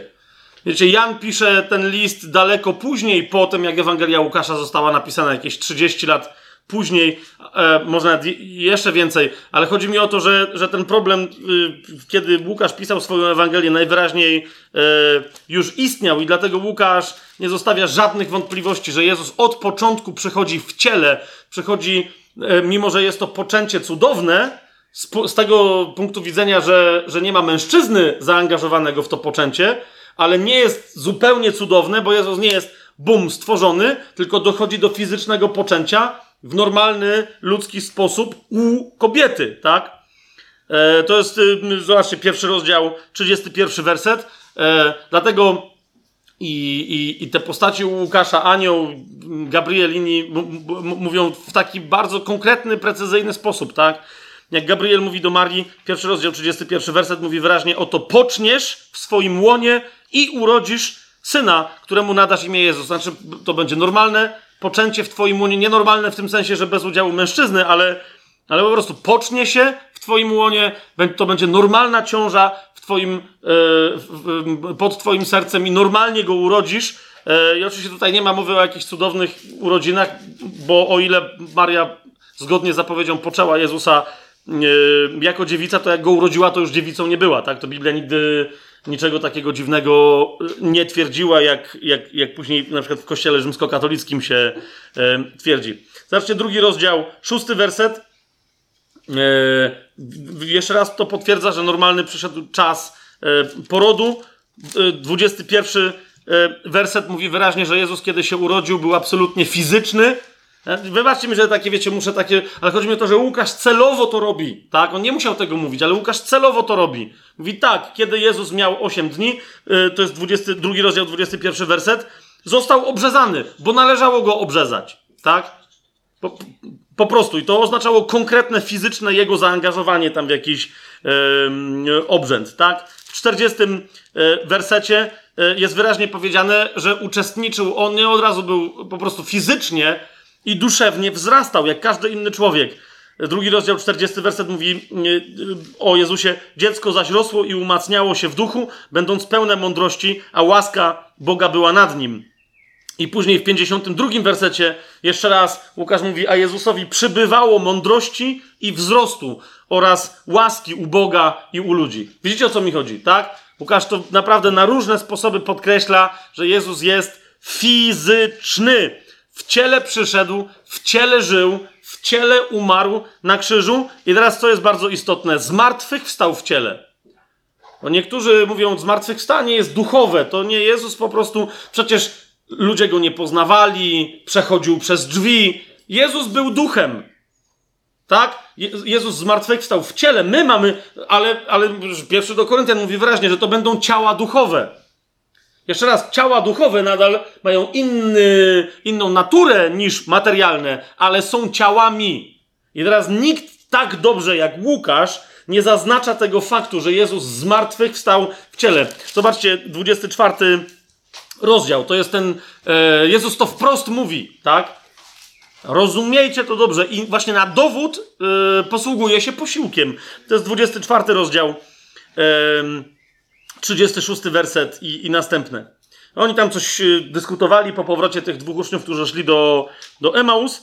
Yy, a kiedy to mówili, sam Jezus stanął pośród nich i powiedział do nich: Pokój wam. A oni się zlękli i przestraszeni myśleli, zauważcie, że widzą ducha. Tak? Wielu chrześcijan mówi: OK, Jezus był w ciele, ale zmartwychwstanie jest duchowe. Więc tu masz się konkretne zagadnienie, a oni go widzą na własne oczy, ale myślą, że widzą ducha. To zresztą nie jest jedyny raz, że widząc Jezusa, nawet jak jeszcze wiecie, przed swoją śmiercią, pamiętacie jak szedł po wodzie i też myśleli, że widzą ducha, tak? No ale wtedy było ciemno, no, któż by chodził po wodzie, to nie jest normalne zjawisko, tak? Tutaj też, no, widzieli jak umarł, więc pochowali go, położyli go w grobie, więc myśleli, że widzą ducha. I teraz zauważcie, i zapytał ich, czemu się boicie i czemu myśli budzą się w waszych sercach? Popatrzcie na moje ręce i nogi, że to ja jestem. Więc pokazuje im siebie fizycznie, ręce, nogi, że ma przebite, tak? Dotknijcie mnie i zobaczcie. Posłuchajcie tego, te, tego to, to, jak Jezus to wyraźnie stwierdza, bo duch nie ma ciała ani kości, jak widzicie, że ja mam. Ok? Jak widzicie, że ja mam ciało i kości, to jest nowy rodzaj ciała, nowy rodzaj kości, który jest rodzajem duchowego, ale jednak ciała. Tak? Kiedy to powiedział, pokazał im ręce i nogi. Ale gdy oni z radości jeszcze nie wierzyli, są różne sytuacje, w których ludzie nie wierzą, często ze smutku, z przerażenia. Łukasz jest tylko tak zabawny, że mówi, a oni z radości jeszcze nie mogli uwierzyć. A kiedy oni z radości jeszcze nie wierzyli i dziwili się, zapytał ich, jakby żeby im pokazać, ej, no serio, więc mówi, zobaczcie, macie tu coś do jedzenia? I podali mu kawałek pieczonej ryby i plaster miodu. To jest to. Łukasz mówi, no nie jest żadna ściema, że potem powiedzie, a to były jakieś pralinki. No, nie! Mówi, to była konkretna rzecz. Pieczona ryba i plaster miodu. Wiecie, jaka to jest konsystencja. I co się stało? 43 werset. A on wziął i jadł przy nich. Nie tylko, że dotknął, tak? Ale jadł przy nich, przeżuwał, połykał, tak? Jakby to był duch, to wiecie, gdzieś by spadło, nie? Po prostu. A tu widać było, że przyswaja. Więc to jest, e, więc to jest ten, e, ten dowód. E, w ciele to jest bardzo istotne, że Jezus w ciele, skoro zmartwychwstał, to pamiętajcie, w tym ciele Jezus idzie do nieba, tak? Jezus w ciele idzie do, idzie do nieba. I w ciele też mamy wyraźnie powiedziane, że powróci. Pierwszy rozdział dziejów apostolskich 10-11. Otwórzmy sobie, no bo to jest, wiecie, to jest kontynuacja Łukasza, bo w niebo wstępuje też mm, na końcu Ewangelii Łukasza, ale chodzi mi o to, że tam mamy bardzo ważne oświadczenie, to jest pierwszy rozdział, jedenasty werset. Dziesiąty i jedenasty werset. Mm, dziewiąty, dziesiąty i jedenasty werset. Kiedy to powiedział, oni patrzyli, został uniesiony w górę i obłok zabrał go sprzed ich oczu. A więc Jezus jest fizycznie uniesiony w górę, znika, a kiedy się wpatrywali w niebo, jak wstępował, oto stanęli przy nich dwaj mężowie w białych szatach i powiedzieli: Mężowie z Galilei, dlaczego stoicie wpatrując się w niebo? Ten Jezus, który został od was wzięty do górę, w górę do nieba, przyjdzie tak samo, jak go widzieliście wstępującego do nieba. Słowem, powrót Jezusa na ziemię ma tak wyglądać. Tam jeżeli ma być tak samo, to znaczy, że tam, gdzie wstępował, a więc Góra Oliwna, tam będzie wstępował. Tak jak wstępował, tak będzie wstępował w ciele. Zachariasz zresztą mówi, że, że, że, że stopy Mesjasza dotkną te, tejże Góry Oliwnej, tylko on będzie wracał z mocą, więc ona się rozpadnie na dwie części. Ale, rozumiecie, mówię to też w tym kontekście, bo nas sporo na przykład świadków Jehowy słucha i no to jest, wiecie, to jest bardzo istotne wobec tego ich twierdzenia, że że Jezus wrócił już na ziemię w 1914 roku, tylko nikt tego nie zauważył, tak? Eee, ja już pomijam, że, że także u Łukasza znajdziecie, wiecie, rozbudowany opis. Jezus mówi wyraźnie, jak on będzie wracał na ziemię, tak? Ja mówi wyraźnie, że tu wie, wiemy z tego, że to ma być fizyczny powrót, ale ma być widzialny dla wszystkich na całej ziemi. Jak błyskawica zabłyśnie i ją widać od wschodu do zachodu, e, wiecie, w nocy czy kiedykolwiek, tak? Ją widać, ja mówię, to tak samo będzie z przyjściem Syna Człowieczego. Wszędzie będzie widoczne. Jaki tam 1914 rok i jaki powrót. Nie róbcie śmiechu na sali. Po prostu. Jeszcze wmawiając innym, że, że, że świetnie znacie Pismo Święte. I jeszcze raz, nie, nie mówię teraz tego, wiecie, żeby podotykać jakichś świadków Jehowy, tylko po prostu, jeżeli ktoś tam w tej organizacji jest na etapie wybudzenia, że tak powiem, e, albo tuż przed, tym, to niechże się tym wybudzi, tak? Żaden 1914 rok, żadne tajemnicze przyjście Pana Jezusa, zwłaszcza, że ten Pan Jezus według tej teorii, wiecie, tak wrócił na ziemię, że w zasadzie nie wrócił, tak jakoś przeleciał i dalej siedzi w niebie, tak? Nie, nie, nie. Chociażby Ewangelia Łukasza mówi bardzo wyraźnie, Eee, anioł Gabriel to zapowiada Marii, tak? Że jak on wróci na ziemię, wróci fizycznie i fizycznie zasiądzie na tronie Dawida, tak? Co było z dawien dawna, e, co było z dawien dawna e, obiecane. Więc to jest bardzo, bardzo istotne, tak? To jest bardzo, bardzo istotne, e, żeby, żeby o tym pamiętać. Teraz, wiecie, jak się dostało trochę organizacji Świadków Jehowy, no to się też musi trochę dostać, nie dlatego, że się musi, bo akurat bardzo tego potrzebuje, tylko no, zauważcie, dla mnie osobiście, wiecie, to, to, to był moment uwolnienia się od, od katolickiej koncepcji tak zwanej Eucharystii. To to był moment, jak sobie uświadomiłem nagle jedną, że zaraz, zaraz, zaraz, zaraz, zaraz, zaraz. Jezus fizycznie siedzi w niebie. Nie w skrzynce w kościele. Nie w chlebie. Nie w 500 tysiącach miejsc na całym świecie. Jezus fizycznie, jeden fizycznie siedzi w niebie. Rozumiecie o co mi chodzi? Po, po, po prostu. To było dla mnie nagle takie hej, hej, hej. Wielu katolików y, dzisiaj mówi, okej, okay, wierzę biblijnie, mówi, to wie, Maria, to wszystko, o, to papież, nie, już tego nie słucham. Ale co z Eucharystią? W sensie, co, rozumiesz, Eucharystia oznacza dla katolika, że, że, że, że chleb się zamienia w Jezusa. To, wiecie, to jest dokładnie to samo, co ten 1914 u Świadków Jehowy, tak? Nie widzisz, że Jezus wrócił, ale wrócił w 1914. Ale nic się w historii świata nie zmieniło. Nie widzisz, ale się wszystko zmieniło. To jest to samo, tak? W tym chlebie jest Jezus. Serio? Nie widzisz tego, ale naprawdę mięśnie ma, wszystko, krew, wszystko jest elegancko. No nie. Rozumiecie, według mnie to jest jedna z tych rzeczy, która podpada pod ostrzeżenie Pana Jezusa. Powiedzą wam, że tu jest albo tam jest i tam nie idźcie, bo mnie tam nie ma. Tak? Z powrotem. To, co mnie przekonało, bo ja tego nie powiedziałem jasno. Bo rozumiecie, Jezus powiedział wyraźnie, że On duchowo, On nas nie zostawi sierotami. Tak? Powiedział wyraźnie, że nam pośle ducha i w duchu On też będzie z nami. Gdzie dwie albo trzy osoby się gromadzą w moje imię, Jezus mówi tam, ja jestem pośród nich. Tak? Jak? Duchowo. Tak? W swoim bóstwie, w swoim duchu. Jest po prostu, Jezus z nami jest obecny. Ale rozumiesz, jeżeli jeszcze ktoś mówi, że Jezus jest też obecny w ciele, to zauważcie, jaki to jest pa paradoks, to jest bluźnierstwo. Dziś z tego punktu widzenia uważam, że to jest wiele osób uczestniczy w tym nieświadomie, ale zauważcie, co się dzieje, tak?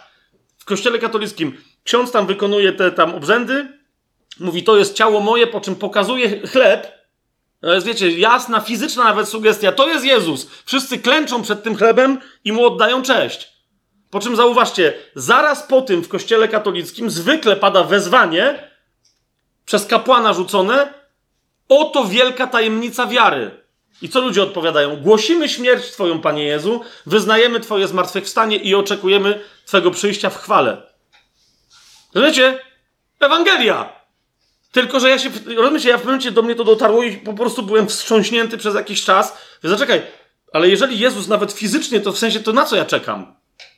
Rozumiesz, jaka śmierć, jakie zmartwychwstanie, jaki po, jeżeli ten powrót jest tak samo, no bo rozumiecie, Jezus jest już na ziemi, w tysiącach miejsc, tylko go jeszcze nie widać.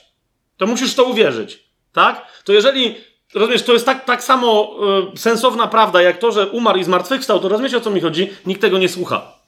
Tak? Na, na jaki powrót, jak, jak się zapytasz normalnie ludzi w kościele katolickim, oczywiście ci, co są bardziej wykształceni, powiedzą, okej, okay, Jezus wróci, ale jak, jak po, podrążyć temat dalej, to większość ludzi nawet nie wie w kościele katolickim, że Jezus ma wrócić na ziemię. Tak? Oni mają iść do nieba, a nie Jezus ma iść na ziemię zaraz, coś. I teraz ja się nie nabijam, chodzi mi o to, ja sam przez lata w tym żyłem, tak? Jeżeli powrót Jezusa na, na, na ziemię ma polegać w ten. Bo ktoś, niektórzy mówią, nie, nie, ja wiem, że Jezus wróci, tak, Jezus ma powrócić. No to wtedy jest pytanie, to, to co on będzie wychodził z tych wszystkich tabernakulów w kościele? I, i wiesz, i te jego wszystkie klony, wiesz, w jednym miejscu jakoś zep. Rozumiecie o co mi idzie? Się po, prostu, się po prostu, brzydko powiem, kupy nie trzyma. Się kompletnie kupy nie trzyma. Tak? Jak sobie to uświadomiłem, że nie, Jezus jest z nami duchowo, ale fizycznie jest w niebie, aż do momentu, kiedy nie powróci dokładnie tak, jak jest powiedziane, że powróci. Tak? Tak jak poszedł, tak wróci. To to powoduje, że rozumiesz, to jest koniec tematu tak zwanej e, Eucharystii i prawdziwej obecności Pana Jezusa w postaciach eucharystycznych i tak dalej. Po prostu to jest, to jest, to jest, to jest koniec tego tematu. To jest koniec tego tematu, bo e, kiedy indziej będziemy o tym więcej mówić, ale zauważcie, jak my, e, często w sensie ewangelicznie wierzący chrześcijanie się nabijają e, z, albo nie nabijają, albo ubolewają, tak? E, gdy idzie o katolickie czczenie obrazów i figur i tych wszystkich rzeczy. Ale zauważcie, że najgorsza rzecz w kościele katolickim to jest kłanianie się chlebowi. A nie, a nie drewnu i wiecie, złotu ze srebrem i, i, i tak dalej. Tylko kłania, po prostu, które ewidentnie jest, jest nawet nie tak trwałe jak drewno czy metal, tak? Po prostu, ale jest robotą ludzkich rąk. No kto ten chleb ulepił? Tak? I, i, I, to jest wmawianie, że najświętszy znajduje się w... On jest, nawet nie, że jest w tym chlebie, to on jest tym chlebem. Wiecie o co chodzi? Jak ktoś z was był katolikiem, co tam po prostu pateny, jak okruszek spadnie z tej pateny, jesteś po prostu, wiesz, trzeba go teraz szukać i tak dalej, bo w każdym najdrobniejszym okruszku, tu widzę, że byli ministranci, kiwają głowami, rzeczywiście, tak? Bo w każdym, naj... po prostu z, jednego mało... z jednej małej hostyjki, jak spadł okruszek, to w tym małym okruszku jest, jest następny cały Pan Jezus. Rozumiesz? I jeszcze raz, ja tego to wiecie z przerażeniem. Bo ja sobie zdaję sprawę, jakiego rodzaju świętością To jest w kościele katolickim, to, e, wiecie, e, transsubstancjacja, msza święta, Eucharystia tak zwana, e, adoracja Najświętszego Sakramentu, te wszystkie rzeczy, wiecie, to jest, to jest najwyższa świętość. Ale, ale rozumiecie, przeciwko temu woła cała Biblia, mówi, nie kłaniajcie się niczemu, co zrobił człowiek. Nie dajcie sobie wmówić, że to jest żywy Bóg. Rozumiesz? Na, naprawdę czczenie obrazów, czy figur, czy tego typu rzeczy nie jest tak straszne, jak czczenie chleba. Yy, I wina jeszcze przy tej okazji, jako niby prawdziwej yy, krwi Pana Jezusa. My o tym w ogóle zrobimy osobny, bo ludzie wciąż o to pytają, więc zrobimy, myślę, na ten temat osobny, po prostu osobne spotkanie i osobny wykład na temat, na temat problemu tego, E, no, co Biblia mówi na temat ciała i krwi Jezusa i, i, i, i gdzie one się znajdują w kościele i, i, i co się tam dzieje. Ok? Nie będę teraz tego, e, tego rozwijał, ale no, widzicie, że to jest ważny, ważny, ważny, bardzo ważny e, temat. Pełna świadomość tego, że Jezus jest w ciele i zmartwychwstał w ciele, wiele rzeczy naprawdę bardzo szybko, jak, jak, jak naprawdę przyjmiemy to do serca, wiele rzeczy zaczyna nam też e, klarować i czyścić spokojnie, yy, spokojnie w głowie. Mam tu napisane, żeby rozwinąć ten, ten tytuł Syna Człowieczego, ale to wiecie, proroctwo Daniela, Księga Daniela i wystarczy, że sobie po prostu wrzucicie hasło Syn Człowieczy na dowolnych jakichś tam, w dowolnej konkordancji, wyszukiwarce, czymkolwiek, zobaczycie, możecie prześledzić to, w jak wielu miejscach Jezus nazywa siebie Synem Człowieczym, co to dla Niego oznacza, sama ta ścieżka przez Ewangelię Łukasza yy, myślę, że jest yy, fascynująca. Istotne jest to, że, że Jezus przyszedł, stał się człowiekiem, będąc synem Bożym, stał się synem człowieczym. Po co? Żeby zbawić ludzi. I stąd wiele osób uważa, że najważniejsza, yy, że najważniejszy werset w Ewangelii Łukasza, no to nie jest werset 12:10, ale to jest werset 19:10, w którym Jezus mówi E, nawiasem mówiąc, będąc w domu tegoż Zacheusza Małego, o którym już dzisiaj żeśmy sobie e, mówili, w dziewiątym wersecie powiada do niego Jezus dzisiaj, to jest dziewiętnasty rozdział, dziewiąty werset i potem dziesiąty. Jezus mówi, dzisiaj zbawienie przyszło do, do tego domu, gdyż i on jest synem Abrahama. To Jezus mówi o Zacheuszu. I tu pada dziesiąty werset i niektórzy mówią, to jest kwintesencja tego, o co chodzi Łukaszowi w tej Ewangelii. I tak, po, po, pewnej perspektywie tak, absolutnie z tym się należy zgodzić. A, a ta kwintesencja to, to, to, to, to esencjonalne zdanie, jak brzmi: Syn człowieczy przyszedł, aby szukać i zbawić to, co zginęło. W niektórych tłumaczeniach syn człowieczy przyszedł, żeby szukać i zbawić to, co zgubione. Tak? No ale łapiecie o co idzie, tak? Jest stan kompletnego upadku, stan kompletnego zagubienia, które w efekcie jest kompletnym zgubieniem, byciem zatraconym i teraz Jezus coś, co zostało zatracone, odnajduje i, i z tego stanu e, i z tego stanu wybawia.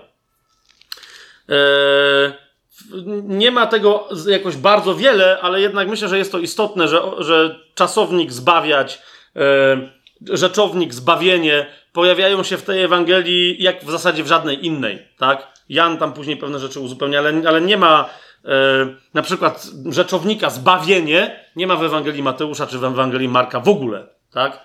E, w, w, tak wykorzystanego jawnie i, że tak powiem, ostentacyjnie, jak w tym dziewiętnastym rozdziale, dziewiątym wersecie. Dzisiaj zbawienie przyszło do tego domu, kiedy Jezus mówi o, e, o Zacheuszu jak e, e, gdybyśmy szukali tych, e, wiecie, koncepcji, co to znaczy, że Jezus jest Zbawicielem, to, to warto na przykład zwrócić uwagę na takie miejsca, na które się normalnie nie zwraca. Na przykład pierwszy rozdział, 69 werset. To myślę, że jest bardzo istotne. Pierwszy rozdział, 69 werset, mm, gdzie Zachariasz, uwielbiając Boga, że, że Bóg Izraela nawiedził i odkupił swój lud, w jaki sposób? Mówi, wzbudził nam róg zbawienia w domu Dawida, swojego sługi. Ten róg zbawienia myślę, że jest pewnym problemem w tłumaczeniu e, z hebrajskiego na, e, na grecki, bo, bo, bo ewidentnie Zachariaszowi tutaj chodzi o realizację proroctwa z, e, e z księgi Jeremiasza. Sobie otworzycie e, Jeremiasza, 23 rozdział, na przykład piąty i szósty werset, to tutaj, to tutaj chodzi o kogoś, e, kogo Jeremiasz w swoim proroctwie nazwał e, odroślą albo latoroślą, tak? Czy gałęzią szpiczastą. To jest Jeremiasz 23, 5, 6. Oto nadchodzą dni, mówi Pan, w których wzbudzę Dawidowi sprawiedliwą latorośl i będzie panować król i będzie mu się szczęściło. Będzie wykonywał sąd i sprawiedliwość na ziemi. Za jego dni Juda będzie zbawiona, a Izrael będzie mieszkał bezpiecznie. To, to jest ten róg zbawienia, o którym mówi Zachariasz. Jeremiasz powtarza to proroctwo w 33 rozdziale, prawie że dosłownie, więc ono, wiecie, jest istotne. To jest 33 rozdział, 15-16 werset. W tych dniach i w tym czasie sprawię, że wyrośnie Dawidowi latorośl sprawiedliwa, będzie on sprawował sąd i wymierzał sprawiedliwość na ziemi. W tych dniach Juda będzie zbawiona, a Jerozolima będzie mieszkać bezpiecznie. I później ten temat podejmuje prorok e, Zachariasz. Ja tylko wiecie, bardzo szybciutko chcę wam pokazać, e, gdyby ktoś chciał się tym tematem zbawienia nieco więcej zająć. Zachariasz wraca do koncepcji, że przyjdzie ktoś, kogo symbolicznie naz nazwano latoroślą, korzeniem, e, odroślą, właśnie tą gałęzią szpiczastą, czy no, po grecku rogiem. To jest Zachariasz trzeci rozdział, ósmy werset. Słuchaj więc teraz, Jozue. Tak swoją drogą ten Jozue to jest Jehoszua, czyli Jezus. Rozumiecie? To, to jest... Um, u Zachariasza to tutaj to jest, to jest już taka gra słów, że ona w zasadzie już nie jest żadną grą, tak? Słuchaj więc teraz, Jehoszua, najwyższy kapłanie, ty i twoi towarzysze, którzy siedzą przed tobą. Są oni bowiem jakby ludźmi niezwykłymi, gdyż oto przywiodę swojego sługę, latorośl, tak? Widać, że to jest imię, ta, ta, ta odrośl, czy latorośl, ta, ta, ta, ta, ta mm, to, to, to jest imię. I teraz w szóstym rozdziale, w dwunastym wersecie się to powtarza. Bardzo interesujący jeszcze aspekt się pojawia przy okazji tego kogoś. I powiedz do niego, tak mówi Pan zastępów, oto mąż, którego imię brzmi latorośl. On wyrośnie ze swojego miejsca i zbuduje świątynię Jachwę. Eee, nie tylko, że Jezus mówi o świątyni swojego ciała, tak, że ją odbuduje, ale też wiemy, że jak wróci na ziemię, to zgodnie chociażby z zapowiedziami e, Ezechiela ma zbudować świątynię, która nigdy, nigdy nie zostanie, mm, e, nie zostanie zburzona. Yy, wiecie co, czytanie, to znowu mam więcej tych cytatów wypisanych, ale chcę się jakoś w miarę z tym wszystkim pozmieszczać, więc nie będę się do nich odwoływał, tylko inaczej zrobimy. Otwórzcie sobie list do Hebrajczyków. Yy, czytając Ewangelię Łukasza i rozważając to, jakim Jezus jest Zbawicielem, nawet wiecie, czasem niektórzy się zastanawiają, czemu Łukasz? Czy to dlatego, że on był tym poganinem, Grekiem? Czy on dlatego taką trochę cielesną, a w każdym razie psychiczną, psychologiczną Ewangelię zmysłową napisał. Dlaczego? Dlaczego, e, dlaczego zbawienie jest takim duchowym aspektem, tak? Takim kompletnie niecielesnym. To wiecie, Łukasz w zasadzie nie robi nic innego, jak tylko to, co, co, co Paweł robi, kiedy głosi Jezusa jako zbawiciela. Jakim on jest zbawicielem? Zobaczcie drugi rozdział listu do Hebrajczyków, e, drugi rozdział, dziewiąty werset. Hmm? Widzimy Jezusa, pisze tam Paweł, bo według mnie Paweł jest autorem listu do Hebrajczyków. Widzimy Jezusa, który stał się niewiele mniejszy od aniołów, ukoronowanego chwałą i czcią, ale za co? Za cierpienia śmierci, aby z łaski Boga zakosztował śmierci za wszystkich. To jest to, Jezus umarł za wszystkich, tak? Jak to się mogło dokonać, żeby było e, ważne w prawie wszechświata duchowym? Musiał zrobić, dokonać, umrzeć, dokonać tego aktu w ciele. Zobaczcie dalej w tym drugim, e, w tym drugim rozdziale. Od 14 wersetu do 18 będziemy czytać. Ponieważ dzieci są uczestnikami ciała i krwi, i on także stał się ich uczestnikiem, a więc stał się uczestnikiem ciała i krwi, tak? Aby przez śmierć zniszczyć tego, który miał władzę nad śmiercią, to jest diabła. Jezus fizyczną śmiercią pokonuje diabła. I aby wyzwolić tych, którzy z powodu lęku przed śmiercią przez całe życie podlegali niewoli. I teraz patrzcie, on wyraźnie o tym mówi, to jest ważne. On mówi, to jest ważne, że on był fizyczny, bo zaprawdę nie przyjął natury aniołów, ale potomstwo Abrahama. Dlatego musiał we wszystkim upodobnić się do braci, aby stał się miłosiernym i wiernym, najwyższym kapłanem wobec Boga dla przebłagania za grzechy ludu. A że sam cierpiał, będąc kuszony, może dopomóc tym, którzy są w pokusach. Zobaczcie, czwarty rozdział, przeskoczmy e, tam szybciutko, czwarty rozdział, 15 i 16 werset. Jakby wraca do tego tematu tutaj Paweł mówi: Nie mamy bowiem najwyższego kapłana, który by nie mógł współczuć naszym słabościom, ale kuszonego we wszystkim, podobnie jak my, z tym tylko, że bez grzechu. Rozumiecie? Jeszcze raz mówi, Jezus był tak w ciele, że każdej słabości, której my podlegamy, też on podlegał. Z każdą się zmagał. Tyle tylko, że żadnej nie uległ. Tak? Nigdy nie zgrzeszył. Ale walczył z taką możliwością. Tak? Przystąpmy więc z ufnością do tronu łaski, abyśmy dostąpili miłosierdzia i znaleźli łaskę ku pomocy w stosownej chwili. I zobaczcie jeszcze piąty rozdział. Tam, tam jest więcej, ale, ale siódmy, ósmy, dziewiąty werset. Mocny opis, między innymi do Getsemani nawiązujący. O Jezusie mówi: On za dni swojego ciała zanosił z głośnym wołaniem i ze łzami modlitwy i usilne prośby do tego, który mógł go wybawić od śmierci, i został wysłuchany z powodu swojej bogobojności. Chociaż był synem, nauczył się posłuszeństwa przez to, co wycierpiał. A uczyniony doskonałym, stał się sprawcą wiecznego zbawienia dla wszystkich, którzy są mu posłuszni. Zauważcie, to jest myśl, Łukasz to jest rozwinięta myśl Pawła z listu do Hebrajczyków. Tak? Ten nasz wielki zbawiciel nie jest zbawicielem, który dokonuje tego tak o. Wiecie, yy, z, z wysokości stworzyciela, który po prostu dotyka palcem stworzenia i coś tam zmienia.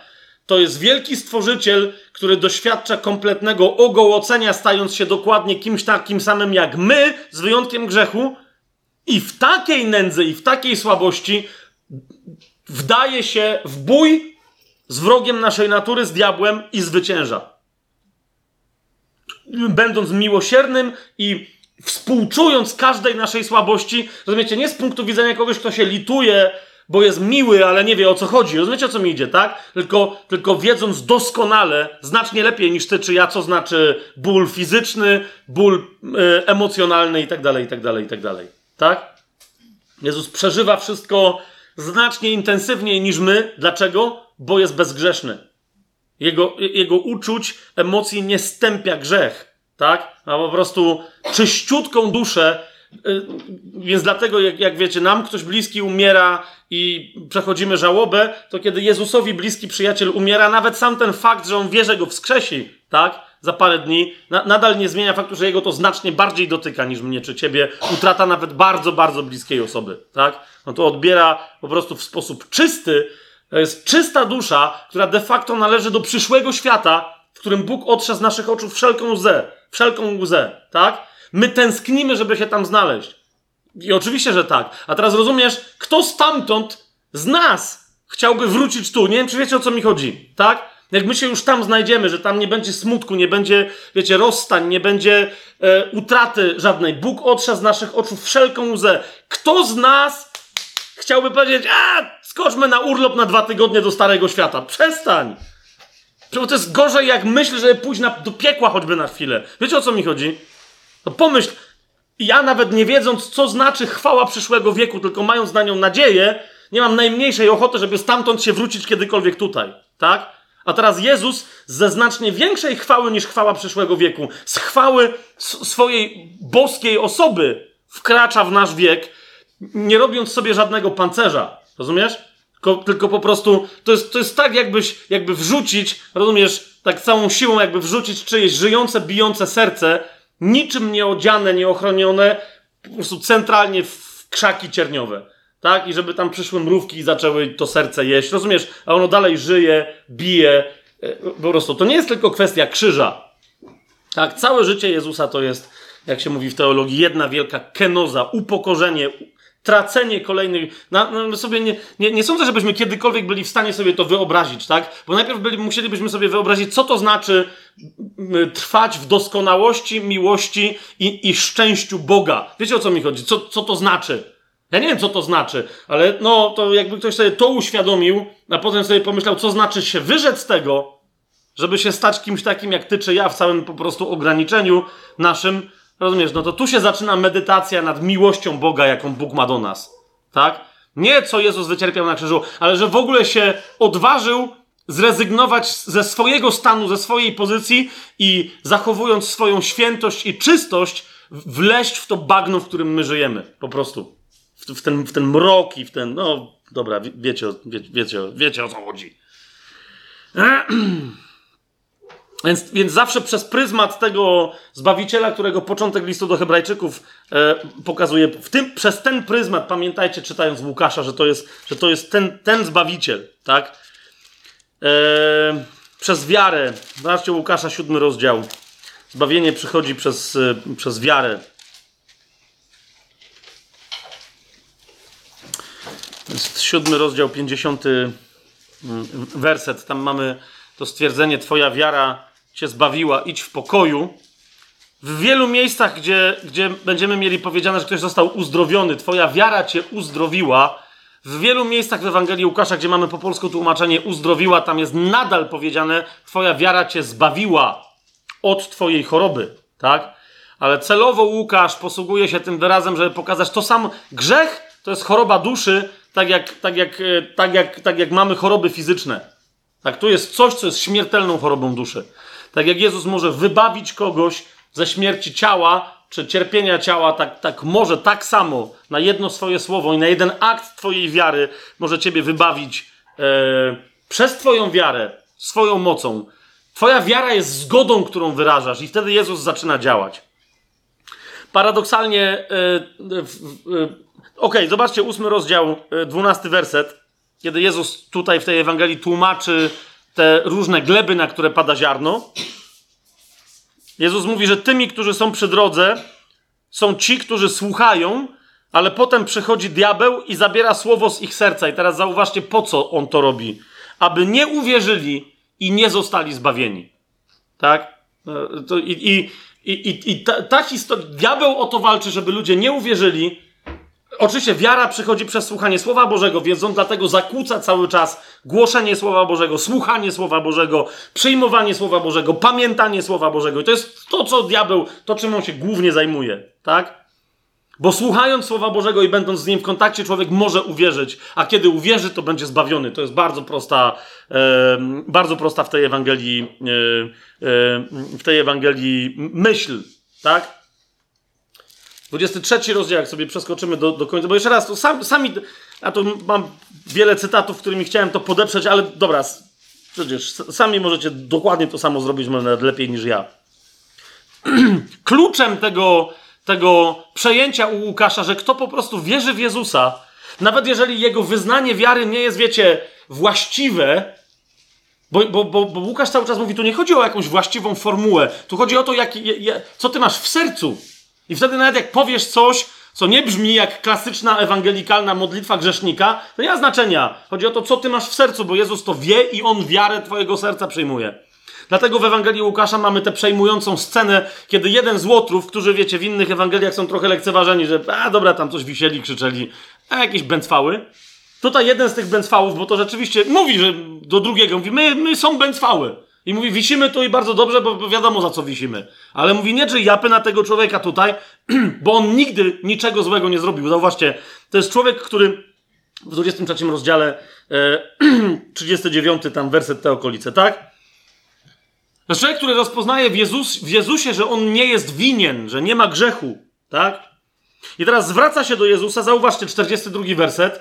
On nie mówi, że Jezus jest zbawicielem, że jest... ale zauważ, ile on wyznaje. W tym zresztą no, ludzie, którzy wiszą na krzyżach i tam się duszą od paru godzin, to nie jest specjalny moment na jakieś tyrady ewangeliczne, e, teologiczne i tak dalej, tak? Tylko po prostu. Ale wciąż, patrz, 42 werset powiedział do Jezusa: Panie, wspomnij na mnie, kiedy przyjdziesz do swojego królestwa. Rozumiesz? Nawet w takim momencie Duch Święty ci objawia, jemu objawił to, co się dzieje. Krzyż, Jezus, on, to dla niego jest przejście, on właśnie wchodzi do swojego królestwa i otwiera drogę dla ciebie, dla mnie. Rozumiesz, właśnie to robi. I on to jakoś pojął na tym krzyżu. Nie, nie wiadomo, że nie powiedział, o panie, jestem grzesznikiem, ty jesteś zbawicielem. Nie posłużył się tymi wszystkimi hasłami. Rozumiesz, ale powiedział to, co trzeba. Po prostu wypowiedział ustami to, w co uwierzył w swoim sercu. Zaż reakcję Jezusa. Jezus mu odpowiedział, zaprawdę, powiadam ci, dzisiaj będziesz ze mną w raju. Zaprawdę, powiadam ci, dzisiaj będziesz ze mną w raju. Hmm? ja wiem, że teraz się odbywają tam debaty, ale tu że Jezus jeszcze nie umarł, a to jeszcze był Stary Testament, bo Nowy Testament zaczyna się od wykonało się na krzyżu i tak dalej. Jezus w wielu miejscach, w tym w Ewangelii Jana, e, Łukasza, mówi bardzo wyraźnie, że Stary Testament trwał do Jana Chrzciciela. Pamiętacie te, te, te wszystkie? A mówi, a od tej pory głosi się królestwo. Tak? I to o tym królestwie, które Jezus głosił, do tego królestwa się odwołuje ten chłop na krzyżu. Tak? Za chwilę Jezus tuż po śmierci wchodzi do piekła i to w Ewangelii, jak będziemy robić wstęp do Ewangelii Jana, to więcej o tym powiemy. Ale, ale będzie, wchodzi do piekła, żeby głosić w piekle umarłym. Tak? To jest, wiecie, to wszystkie zastanawia. A zanim Jezus nie umarł na krzyżu, to jak ci wszyscy ludzie byli zbawieni, czy nie byli i tak dalej. Jeszcze raz Jezus mówi, będzie głoszona Ewangelia umarłym, zaprawdę powiadam wam, już jest. Tak? Już jest głoszona umarłym. E, jest bardzo takie swoiste w Ewangelii Jana wyznanie Jezusa. Tak mówi, ja teraz jestem tu fizycznie. I mówi, to wciąż już jest głoszenie Ewangelii umarłym. Po prostu do nich oni, oni umarli, nie ma ich tu fizycznie, ale do nich ta Ewangelia zaraz dotrze. Tak? Nie, nie może ktoś być pozbawiony możliwości zbawienia tylko dlatego, że żył wcześniej przed Kalwarią, przed, przed krzyżem, przed zmartwychwstaniem Jezusa. Nie, nie może tak być. Ludzie doświadczają, doświadczają wybawienia, doświadczają przyjścia Ducha Świętego w tej Ewangelii, w Ewangelii Łukasza, od początku tej Ewangelii. Od samego, od samego um, początku. Niemniej, co jest bardzo istotne, bo nie będziemy teraz tego rozważać, co się wydarzyło na tym krzyżu i co to może być ten raj, o którym Jezus powiedział temu Łotrowi, to nie jest, to, to nie jest w tej chwili istotne. To, co jest istotne i Łukasz to cały czas podkreśla, mówi, ale pamiętajcie, z najszczerszego odruchu serca możecie zrobić religię. Strzeżcie się tego, tak? Więc on mówi, nigdy nie w oparciu o religię. I teraz nie to, co ty myślisz, że jest religią. Z wszystkiego możesz sobie zrobić religię. Pamiętaj, Bóg patrzy na serce, tak? Tylko przez osobiste upamiętanie, tylko przez nawrócenie, tylko przez to, co zrobisz w swoim sercu i jak będzie działać twoje serce. Na to patrzy Bóg. Zobaczcie Łukasza, 18 rozdział.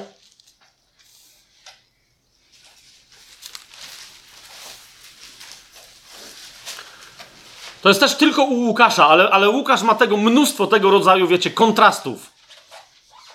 I, on, i, i 18 rozdział od 10 wersetu. Dwóch ludzi weszło do świątyni, żeby się modlić. Jeden faryzeusz, a drugi celnik. Faryzeusz stanął i tak się, zwróćcie uwagę na to sformułowanie, faryzeusz stanął i tak się w sobie modlił.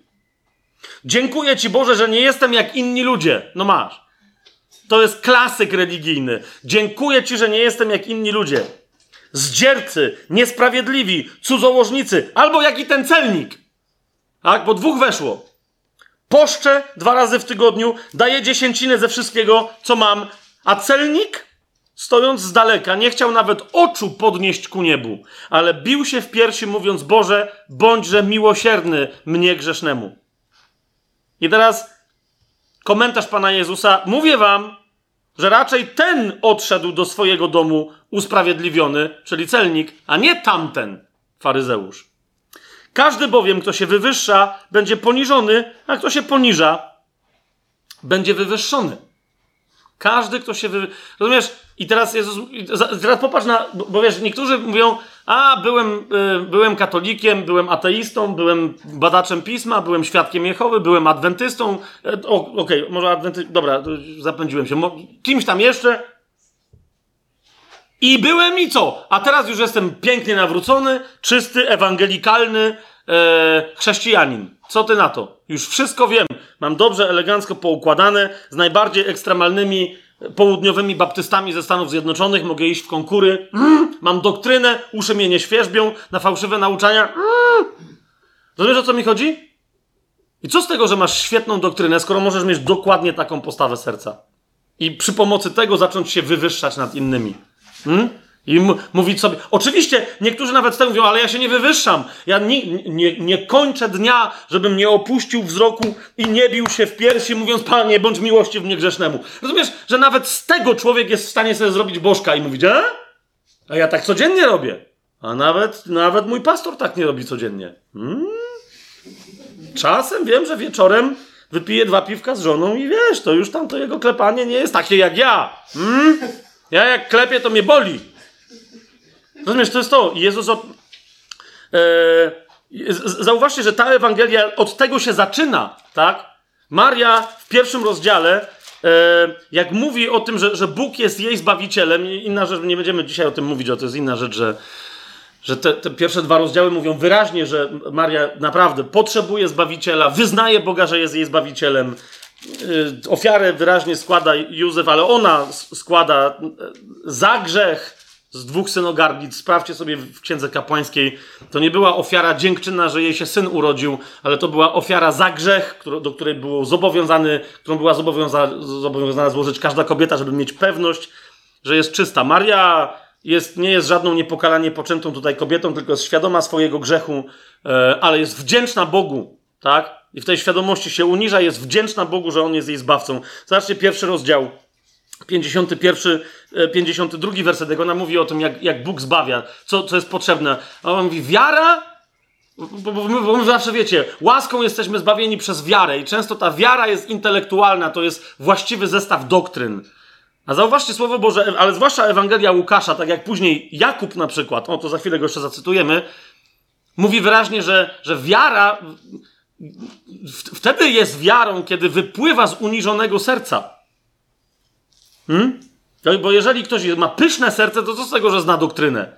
To, rozumiesz, niewierzący człowiek może się wyuczyć właściwych doktryn i ci potem wyśpiewać, w co, w co wierzą najbardziej hardkorowi, e, konserwatywni, e, ewangeliczni chrześcijanie, tak jak my. Bo oczywiście wszyscy twierdzą, że są dokładnie tymi w samym centrum konserwatyzmu i hardkoru. No to my, to ja też. Tylko co z tego? Rozumiesz, tej doktryny może się nauczyć każdy, a jest, jest, jest kwestia. E, czy ta doktryna jest wynikiem Twojej pokory i przyjęcia prawdy Bożej, czy po prostu jest, wiesz, jest, jest wciąż dumą Twojego umysłu? Hmm? Zobaczcie 51, 52 werset w tej, w tej pieśni Marii. Łukasz 1, 51, 52. Okazał moc swoim ramieniem i rozproszył pysznych w myślach ich serc. Strącił mocarzy stronów, a wywyższył pokornych.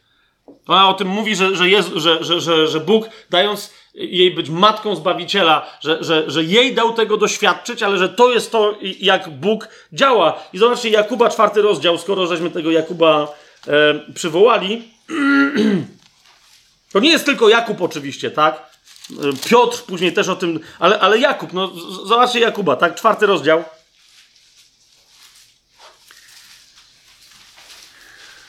No nie będziemy tam tych wszystkich wrzasków Jakuba cudzołożnicy i cudzołożnice w czwartym wersecie. Dobra, zostawmy to. Tylko zobaczcie, szósty wers, czwarty rozdział, szósty werset i następne. Większą zaś daje łaskę, bo mówi, Bóg sprzeciwia się pysznym, a pokornym daje łaskę. Zobaczcie, to jest to samo, co, co to jest cały czas myśl Ewangelii Łukasza. Hmm? Bóg sprzeciwia się pysznym, a pokornym daje łaskę. I dalej, poddajcie się więc Bogu, Przeciwstawcie się diabłu, a ucieknie od was. Zbliżcie się do Boga, a on zbliży się do was. Obmyjcie ręce, grzesznicy, i oczyśćcie serca, ludzie umysłu dwoistego. W umyśle zawsze ci się może dwoić. Oczyść serce i na jej się pojawi klarowność. Ubolewajcie, smućcie się i płaczcie. Wasz śmiech niech się obróci w smutek, a radość w przygnębienie. Uniszcie się przed Panem, a On sam was wywyższy. Zawsze, wiecie, ludzie wołają, mmm, w takiej biedzie jestem, czemu Bóg nie odpowiada na moje modlitwy? Mo może nie może. Może, może, może, mo może ty wołasz, żeby on ci pomógł, ale chcesz tylko, żeby dodał swoją moc do twojej mocy, która ewidentnie jest bezsiłą, ale ty se wmawiasz. Zauważ, zauważcie u, u, u Piotra yy, na, na, końcu pierwszego rozdziału, no, no, nie mieliśmy w tą stronę iść, ale tylko żeby to podkreślić, tak? On, on wyraźnie mówi, że, że, że Bóg się o nas troszczy. To jest piąty rozdział pierwszego listu Piotrowego. A, ale, ale mówi wyraźnie, uniszcie się, yy, szósty, piąty rozdział, szósty werset. Uniszcie się pod potężną ręką Boga, aby was wywyższył w odpowiednim czasie. I siódmy werset. Wszystkie wasze troski przerzućcie na Niego, bo On się o was troszczy. Jeżeli chcesz, żeby się Bóg o ciebie troszczył, to przestań trzymać swoje troski i, i, i się zamartwiać. przestań, prze, przestań trzymać, zamartwiać się, ugnębiać, bo ty masz siłę. Jak ty masz siłę, to po co wołasz o siłę Boga? Jak chcesz Jego siły, to zrezygnuj ze swojej. To, to, to, jest, y, to jest kolejna z myśli przewodnich jakiego, wiecie, życiodajnego nurtu, y, życiodajnego nurtu w, y, w Ewangelii Łukasza. A żeby jeszcze bardziej to podkreślić, nie będziemy tego zgłębiać, bo ho,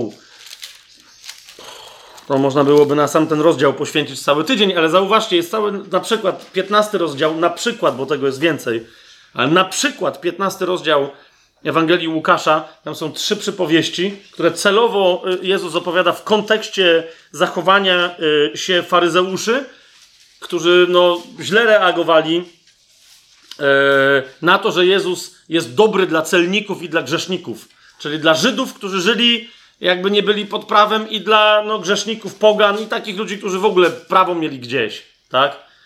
I oni, I oni mieli za złe Jezusowi, mówiąc, że co to w ogóle jest.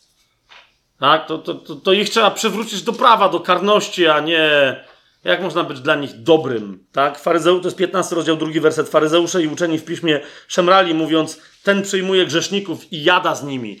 I teraz w tym kontekście Jezus opowiada trzy przypowieści. E, w każdej z tych przypowieści Jezus mówi, nie ma grupy grzeszników, którzy się nawracają. Grzesznik zawsze jest jeden. Niezależnie od tego, jak grzesznicy próbują sobie dodać animuszu i się łączą w bandy, w watachy, w grupy, w stowarzyszenia, partie i inne jeszcze ekipy, niezależnie od tego, grzesznik zawsze jest jeden. I jak umiera, im bliżej jest śmierci, tym bardziej wie, że jest jeden, samotny i osamotniony. Nikt nie jest w stanie mu pomóc. Często jeszcze nie musi wcale umierać. Ludzie na przykład wchodzą w związki małżeńskie po to, żeby przestać się czuć samotnymi. I, i, i nagle tam, gdzie spodziewają się, że, że ta samotność od nich odejdzie, nagle tam zaczynają je jeszcze bardziej doświadczać, bo co? No bo widzą, że no, nikt nie może, nikt nie może wejść w ciebie, zamieszkać w tobie i dać ci świadomość, że od tej pory nigdy nie będziesz sama czy sam. Tylko Bóg to może zrobić. A więc grzesznik zawsze jest jeden i zbawienie zawsze się przyjmuje pojedynczo. O tym mówi Jezus i dlatego e, te, te trzy przypowieści to jest przypowieść o zgubionej e, i znalezionej owcy, o zgubionej drachmie i o synu marnotrawnym. Tak? Ale też z drugiej strony zauważcie, e, że, że to jest przypowieść, o, ta, ta, cały ten rozdział to jest jedna wielka przypowieść o Trójcy Świętej. Tak? Bo tę zgubioną owcę znajduje kto? Dobry pasterz. To jest, to jest przypowieść o Jezusie. Tę zgubioną drachmę znajduje kto? Szalona gospodyni. Z mojego punktu widzenia, wiecie, przypowieść o, o tam widzę minę, no to szalona. Ona zgubiła 10 groszy, tak? Tam przeczytaj, nie będziemy teraz. Ona zgubiła 10 groszy. Teraz nie chodzi mi o to, żeby, wiecie, kogoś oceniać, ale no serio, już was widzę, jak gdybyście zgubili 10 groszy, zaczęlibyście sprzątać cały dom, żeby znaleźć 10 groszy, bo to była moja ulubiona 10-groszówka. Ale nawet gdyby ktoś z was był tak szalony, i by sprzątał cały dom, żeby znaleźć 10 groszy, to już was widzę, jak po tym sprzątaniu wydalibyście następnie z tego, co, co tu Biblia mówi, jakieś tysiąc do 10 tysięcy złotych na imprezę, że się 10 groszy znalazło. Więc rozumiecie, ta gospodyni jest szalona gospodyni. Podobnie jak ten dobry pasterz nie jest najlepszym pasterzem. To jest szalony pasterz. E, my jesteśmy w Krakowie, niedaleko jest, do, do gór jest, od, od, odnawia się, wiecie, zawód tam Juhasa, czy jak to się nazywa. Popytajcie się górali, tak? Który pasterz dobry zostawi stado 99 owiec i pójdzie za jedną anarchistką? Nie. Wyznacza się jakiegoś pachołka, który ma najtwardsze serce, który ma znaleźć te owce, jak ją znajdzie, mają zatłuc, żeby czasem nie wróciła i nie wyciągnęła następnych. Zapytajcie się pasterzy. Tak? A Jezus mówi, to o tutaj, no właśnie, tutaj siedzi rolnik i mówi, no, no, i, no, i, no i właśnie, nie? E, głupi był, żeby ją sprowadzał, dajże spokój.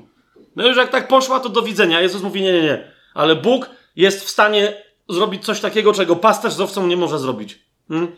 I jest większa radość w niebie z tej jednej owieczki, z jej przemiany kompletnej, tak? Niż, niż z tych 99, które by jakoś tam z jakiegoś powodu nie potrzebowały nawrócenia. To samo jest z drachmą, tam jest szalona gospodyni.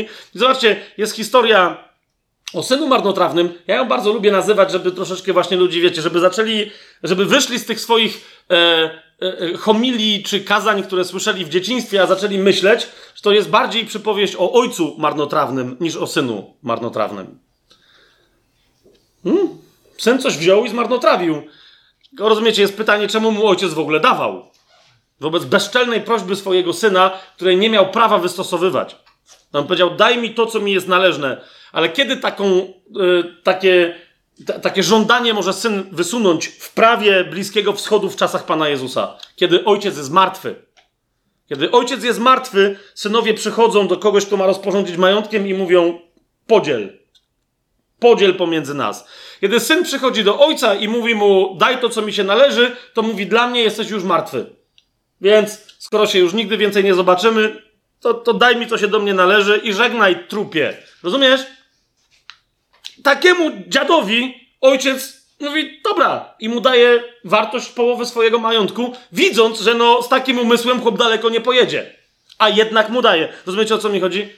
Bóg w rozdawaniu swojej miłości, swojego miłosierdzia jest w pewnym sensie marnotrawny, tak? Tyle tylko, że on ma tego nieskończoną ilość, więc ile trzeba, to trzeba. To daje.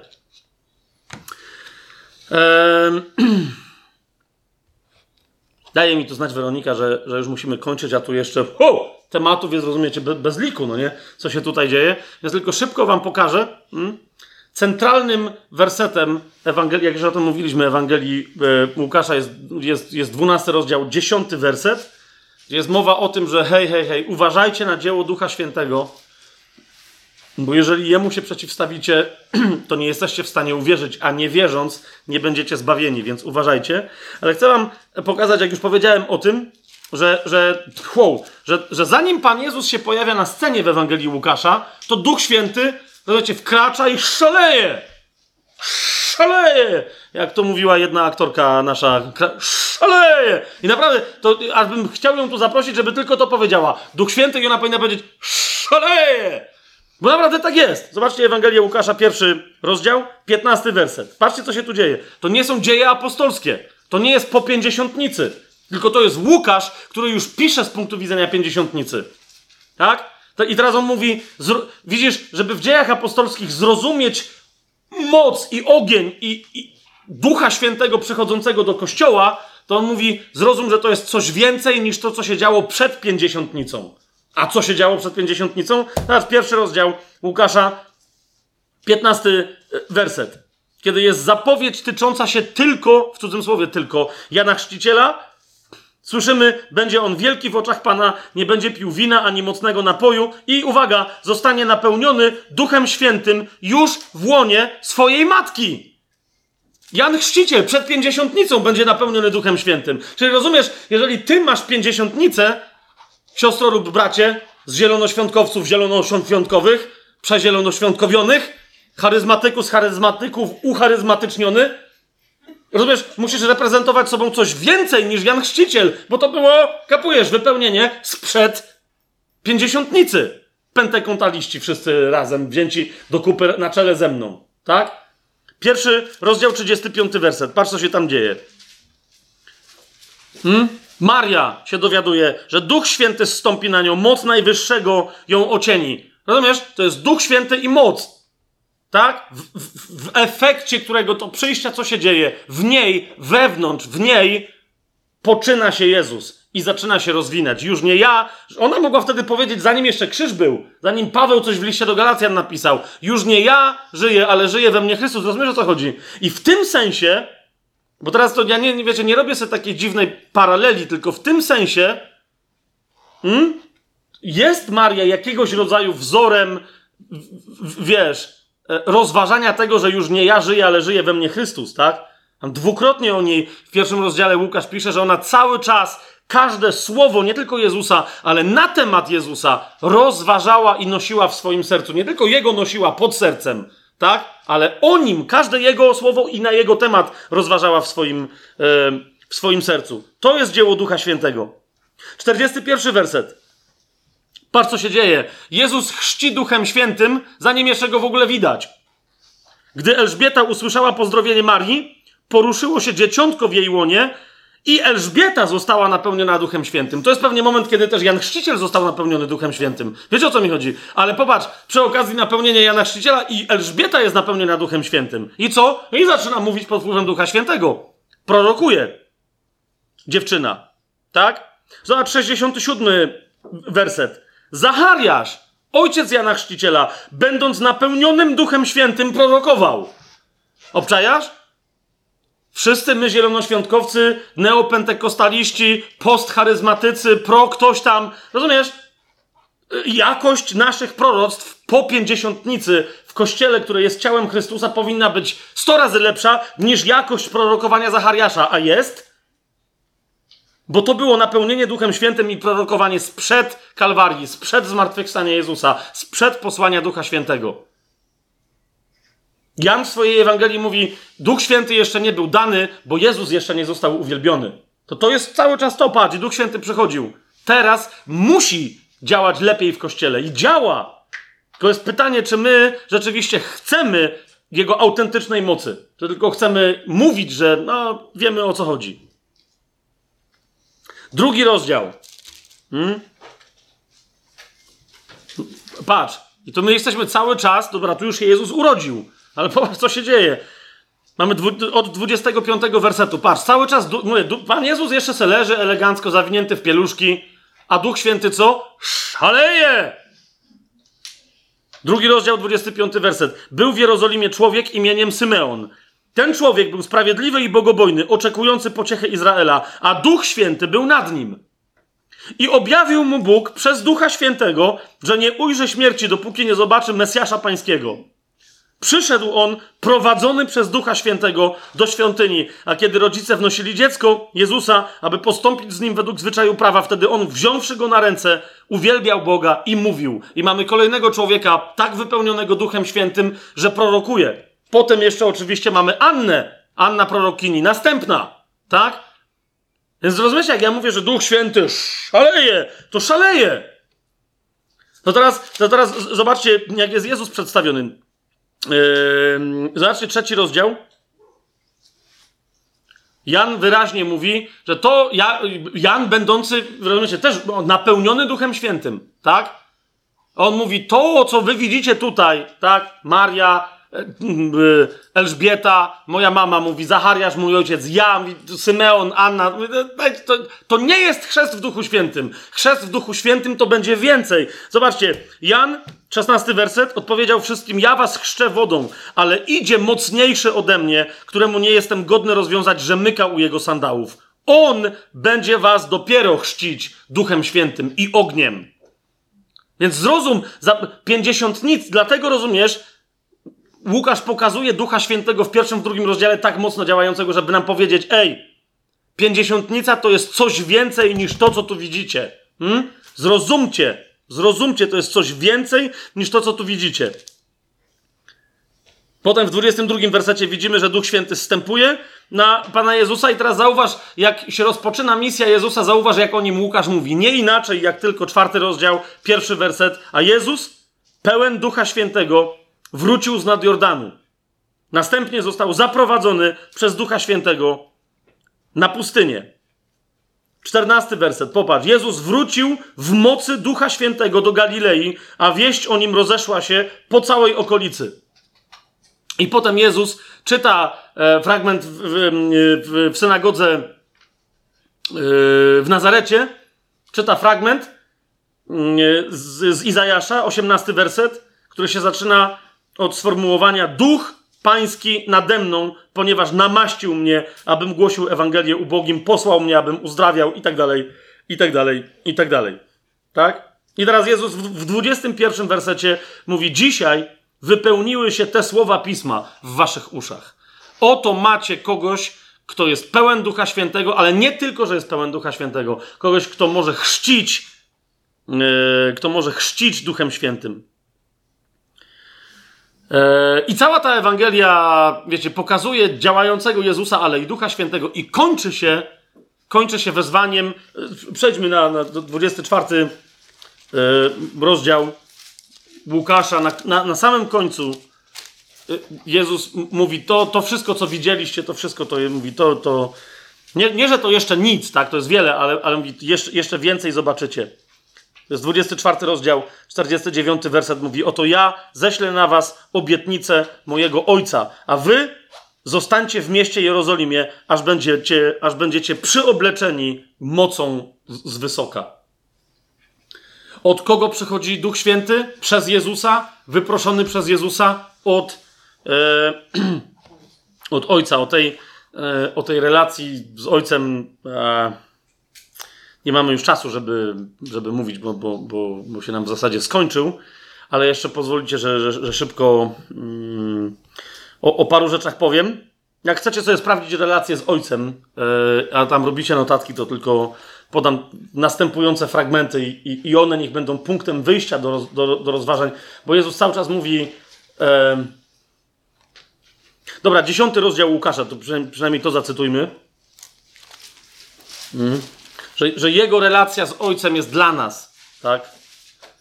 W sensie nie, że, że oni ją mają ze względu na nas, tylko, tylko że ona je, jest otwarta dla nas, że my możemy wejść w coś, co Jezus ma z ojcem. To jest dziesiąty rozdział, 21 werset i 22. W tej godzinie Jezus rozradował się w duchu i powiedział: Wysławiam Ciebie, Ojcze Panie nieba i ziemi, że zakryłeś te sprawy przed mądrymi i roztropnymi, a objawiłeś je niemowlętom.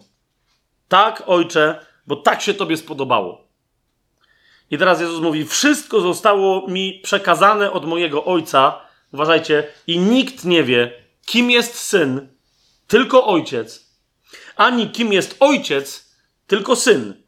I ten, komu syn zechce objawić przejmując zbawienie od, od Jezusa, przejmując życie od Jezusa, którym jest On sam, jednocześnie wchodzimy w relację z Ojcem. Jezus mówi: Ja ci daję życie e, po, po coś jeszcze wspanialszego. Przychodzi Duch Święty po coś jeszcze wspanialszego, żeby cię wprowadzić w relację z Ojcem. Poczytajcie właśnie tę przypowieść w 15 rozdziale Łukasza, chociażby E, o, o tym, kogo nazwałem marnotrawnym ojcem, jak genialny jest to opis Boga Ojca. I, i, i porównaj sobie to z, z, z, tym, co ty nadal masz w sercu na temat tego, kim sądzisz, że jest ojciec.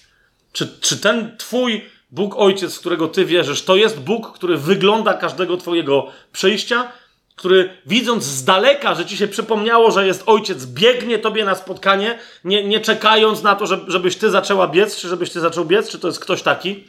Hmm? Więc popatrzcie, co się dzieje w, w, całej tej, tej Ewangelii. To, czy my mamy rzeczywiście Jezusa, a mając Jezusa, czy mamy objawienie Ojca, rozpoznajemy po dojrzałym uczniostwie, jak już powiedziałem. Um, 14 rozdział Ewangelii Łukasza. To jest, to jest jeden. Oj, oj. To jest kolejny wielki temat w tej Ewangelii, tak? Ale jest takie miejsce, które, w którym Jezus mówi o trzech warunkach. Mówi nie kto jest moim uczniem, ale jakie warunki trzeba spełnić, żeby móc w ogóle zostać uczniem Jezusa. Tak? Zrozumcie, to nie jest kto jest moim uczniem, ale kto może być. To jest, dziewiąty, to jest 14 rozdział. I Jezus mówi po pierwsze, 26 werset.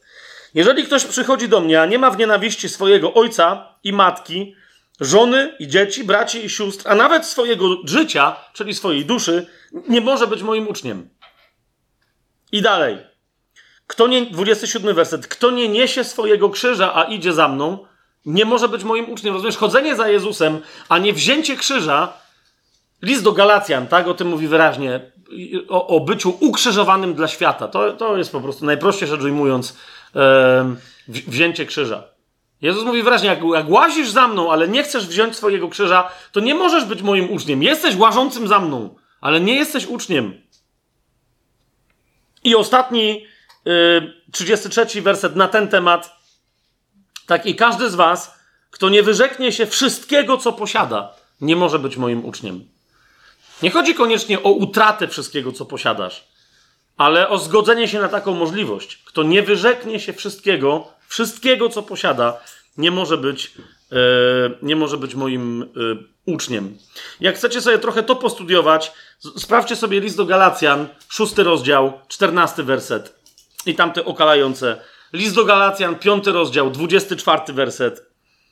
Eee, wcześniej, który to jest e, w liście do Galacjan? Drugi rozdział?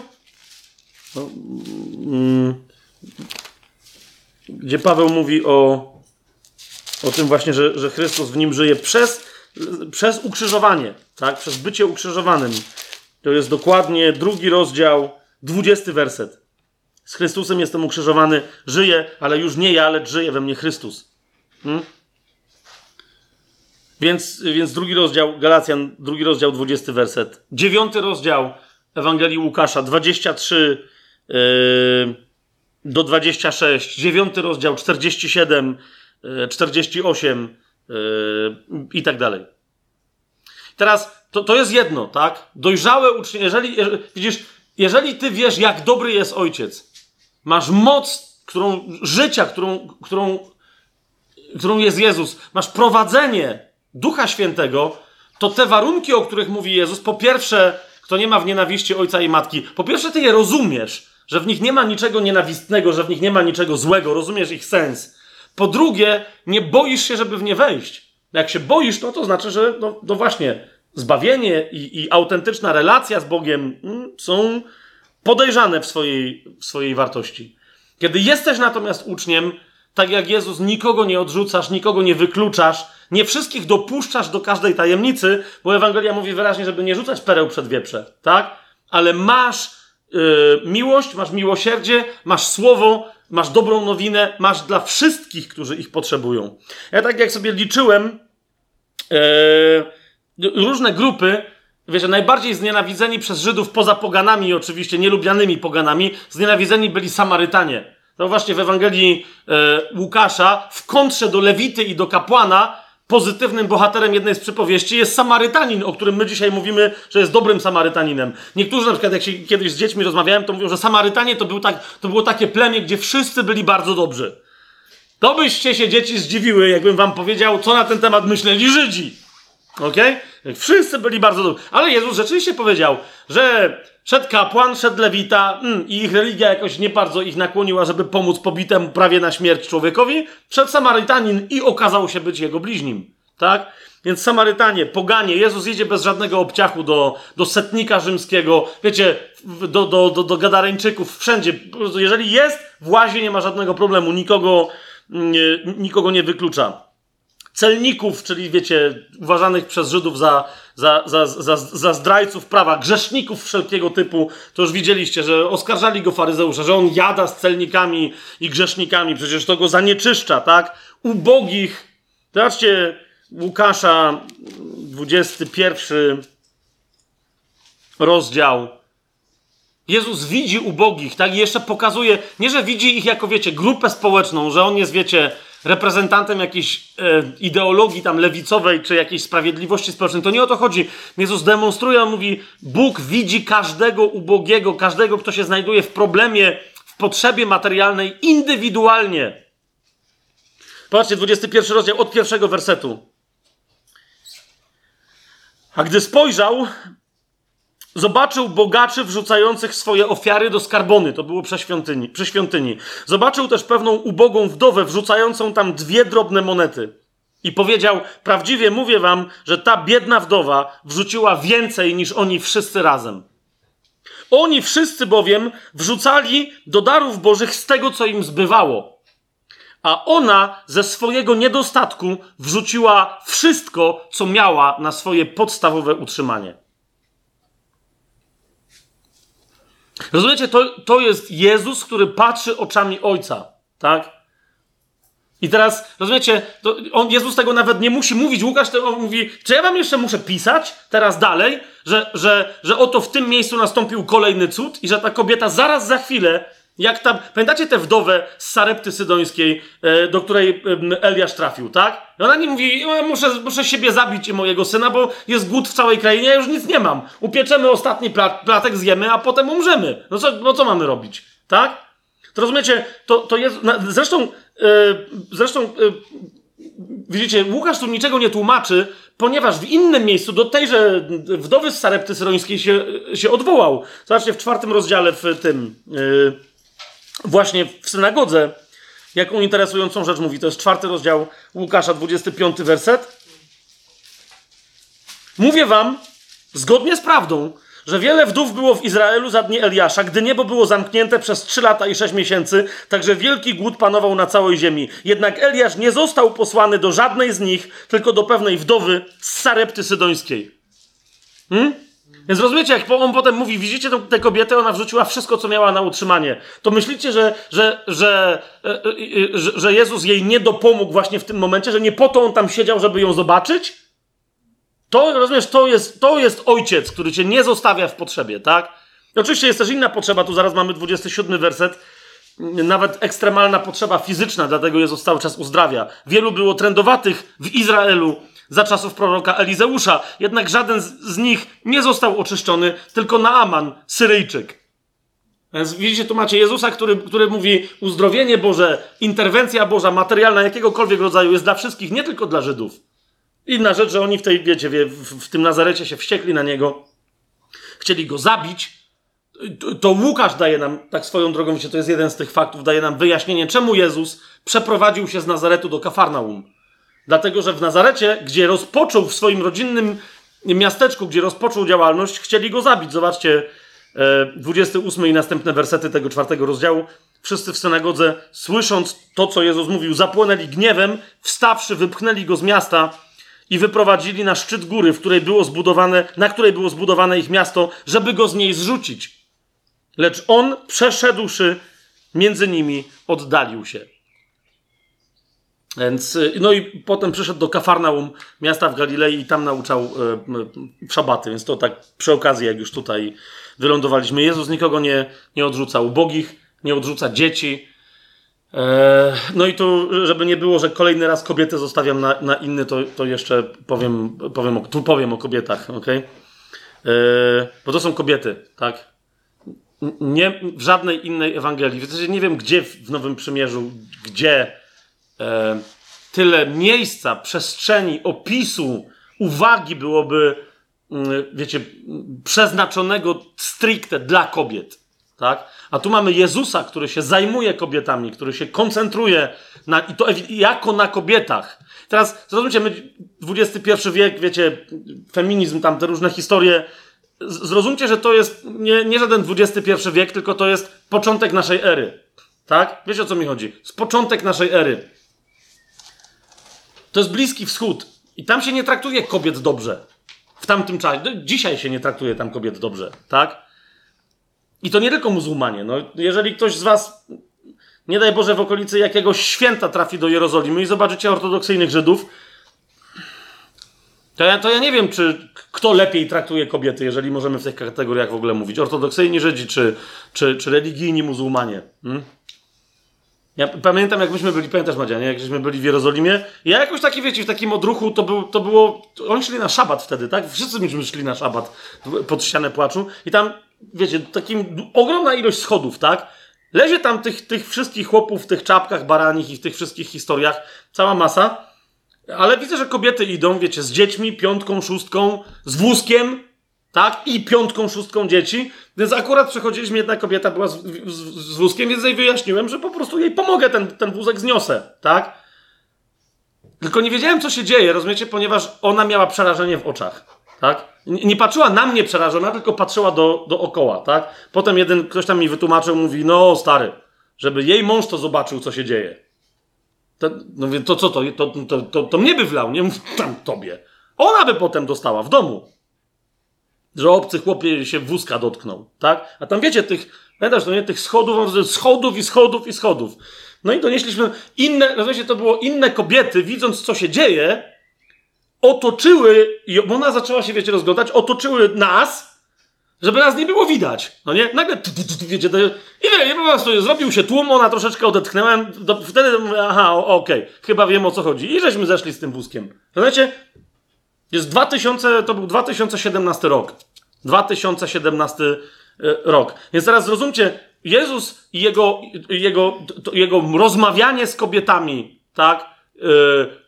wysłuchiwanie, co się tam dzieje, uzdrawianie kobiety, która przez lata ma problem z, z, z krwotokiem, po prostu z, z, z, okresem jakimś tam zaburzonym straszliwie, z, z jedynaczką. W razie Łukasz, e, inni mówią, że po prostu to była córka Jaira. Tak? U, u Łukasza to jest jedynaczka Jaira. Rozumiecie? To nie tylko była dziewczynka, która skończyła 12 lat, to, było, to była jedynaczka. W, w, w, tego typu, wiecie, drobiazgach, takich określeniach. Widzicie, jak Łukasz przedstawia to, jak Jezus widział szczegółowo to życie, tak? To dla niego nie było kolejne wydarzenie i odfajkowywał. Tego uzdrowiłem, to uzdrowiłem. Nie, nie, nie. Samych takich kobiet, które, ja już mówiłem wcześniej, tak, że samych takich kobiet, których nikt inny nie wspomina, a, a które Łukasz wspomina z, z, imienia i tam prawie, że z nazwiska jest, jest 13, których nie zna, że tak powiem, żadna inna Ewangelia, tak? Kobiet w ogóle, rozumiecie, ja sobie tutaj popisałem, nie wiem, być może, że coś pominąłem, tak? Ale zauważcie, od początku Ewangelii co się dzieje, tak? Przychodzi anioł Gabriel do Zachariasza i wiecie, kapłan, tak? I, y, i, i za nie mówił. Dlaczego? Bo mu anioł mówi, ponieważ nie uwierzyłeś w to, co ci powiedziałem, to teraz będziesz milczał, aż się znowu kiedyś nie odezwiesz. I teraz zauważcie, za chwilę ten sam anioł przychodzi do Marii i zauważcie, nie ma takiego problemu. Tak? Samo to dla, wiecie, w tamtym czasie, że Łukasz potem, wiecie, w pierwszym wieku naszej ery opowiada taką historię, tak? Że Anioł zganił kapłana, który jest w świątyni i e, składa ofiarę kadzenia, że nie wierzy. A jakaś baba, że uwierzyła. To, rozumiesz, to jest, to jest spokój. To jest disgrace. What are you talking about? Rozumiesz, przestań. Co to w ogóle jest za historia? Niektórzy się nie dziwię, że, wiecie, mogli w ogóle tej Ewangelii nie chcieć czytać. Tak? Maria, Elżbieta, Anna. Zauważ. Tak? Jest Zachariasz, ma żonę Elżbietę i ona jest przedstawiona tak? Wyraźnie Łukasz mówi, że kiedy do niej poszła, yy, kiedy do niej poszła Maria? W szóstym miesiącu. Czego? Ciąży Elżbiety, tak? A on miał to licz pod koniec drugiego trymestru. Tak? Dobrze, ja teraz gadam, czy coś tam się wygłupiam? Tak? I teraz, dlaczego Maria u nich została trzy miesiące? No bo do porodu pomogła jej, potem wróciła do siebie, sama już była, zaczęła być w nieco bardziej zaawa zaawansowanej ciąży, tak? Łukasz wyraźnie o tym mówi, no tak było, tak? Rozumiesz, te kobiety się spotykają. On uważa, że to jest bardzo interesujące. Co mówią kobiety, kiedy nie ma ich mężów obok? Co mówi Maria do Elżbiety, co mówi Elżbieta do niej, tak? I on mówi, hej, nie tylko, że gadają fajne rzeczy, to jeszcze obydwie są napełnione Duchem Świętym. Obczajasz to. Potem mamy Symeona i zauważ, jest Symeon, ale jest też Anna, która przychodzi, tak? Dla, nie wiem jak to powiedzieć, równowagi, tak? Łukasz też nie oszczędza, wiecie, Maria jest pokazana fantastycznie, ale też Maria jest pokazana. E, Łukasz nie, to nie chodzi mi o to, że on, wiecie, zaś hołubi kobiety, bo on, tak jak powiedziałem, pokazuje Marię, pokazuje Martę, tak? Pokazuje Marię w takiej sytuacji, pokazuje Marię w innej sytuacji, tak? Przychodzi, Józef się nie odzywa, jak znajdują Jezusa, pamiętacie, w świątyni, tak? A jest taką typową mamusią, która chce wzbudzić poczucie winy w synku, tak? Twój ojciec i ja z bólem serca szuka, szukaliśmy cię, synu, tak? A Jezus mówi, no to fajnie macie. Bo jakbyście pomyśleli trochę, to byście wiedzieli, co się dzieje. Hmm? Chamskie? Czy... No właśnie. Co to mówi o kobiecie, co to mówi o mężczyźnie, co to mówi o matce, co to mówi o synu, o którym wiemy, że był bez grzechu, więc w tej sytuacji też nie zgrzeszył. A więc? Więc mamy Marię, Elżbietę, Annę, Marię Magdalenę, rzecz jasna, potem w ósmym rozdziale e, przedstawioną nieco, e, nieco bardziej. Joannę, żonę Huzy, tak? Zuzannę, potem mamy Martę i Marię, mamy wdowę z Nain. Rozumiecie? E, Jezus przechodzi, patrzy pogrzeb. Tylko Łukasz to opisuje, tak? I niosą jakiegoś młodego chłopczyka, który umarł, tak? I teraz Jezus dlaczego go wskrzesza?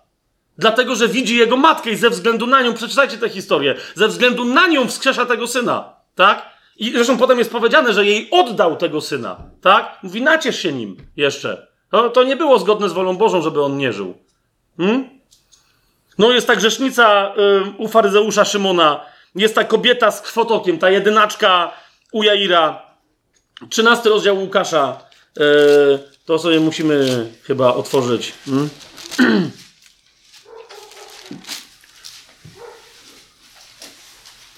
To sobie musimy otworzyć, bo to, to widzicie, to jest Łukasz, który, który mówi, zobacz jaki Jezus jest dla kobiet. Zobacz jaki Jezus jest dla kobiet. Nie, nie robi różnicy między mężczyzną a kobietą. 13 rozdział, 10 werset. Jezus nauczał w jednej z synagog w szabat.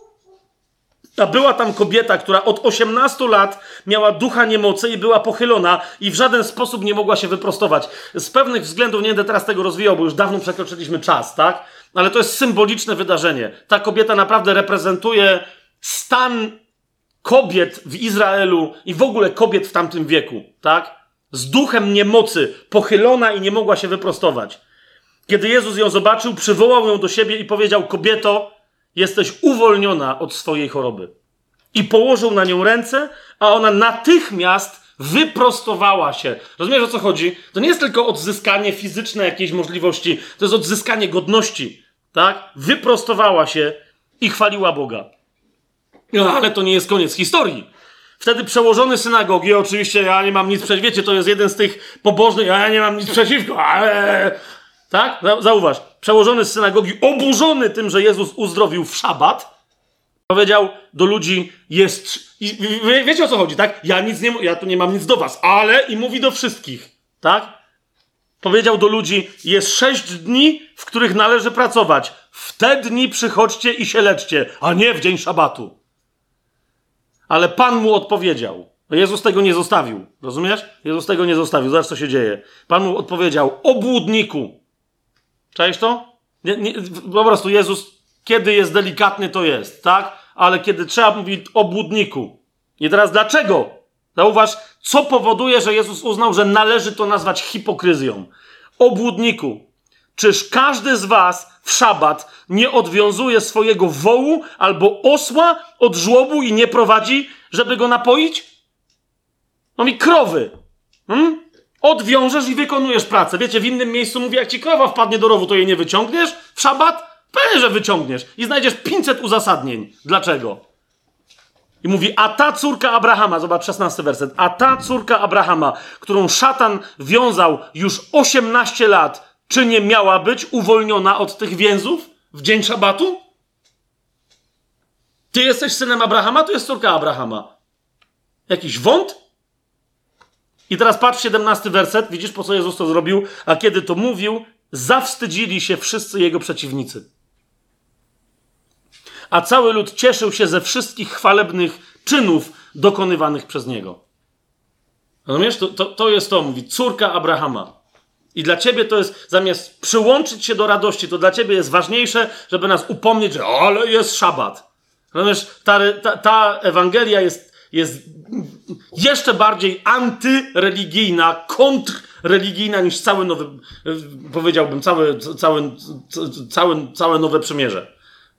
W sensie, wiecie, kondensacji tych przykładów konkretnych działań. Jezus po prostu występuje przeciwko religii i mówi obłuda, nic więcej.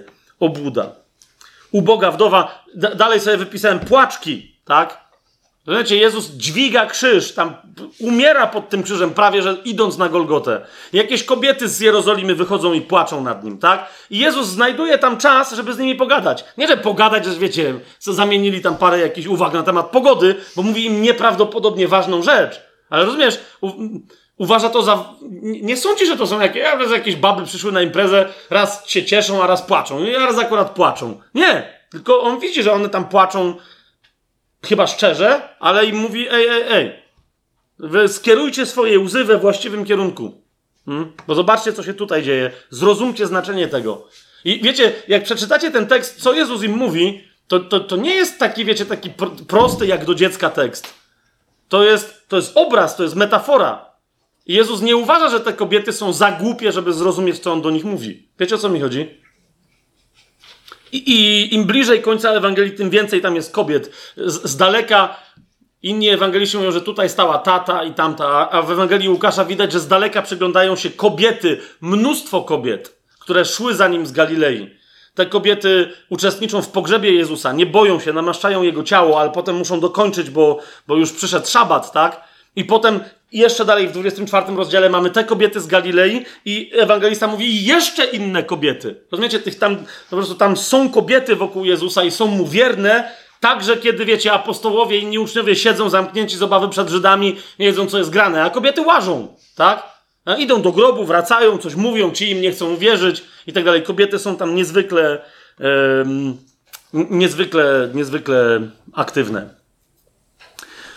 E, więc czytając tę Ewangelię, w rozumiecie, można nawet od początku do końca czytać ją tylko po prostu, tak? Teraz będę czytać tylko i wyłącznie, żeby zobaczyć, co Jezus, jakie były Jezusa interakcje z kobietami. I od początku do końca masz fantastyczną lekturę, tak?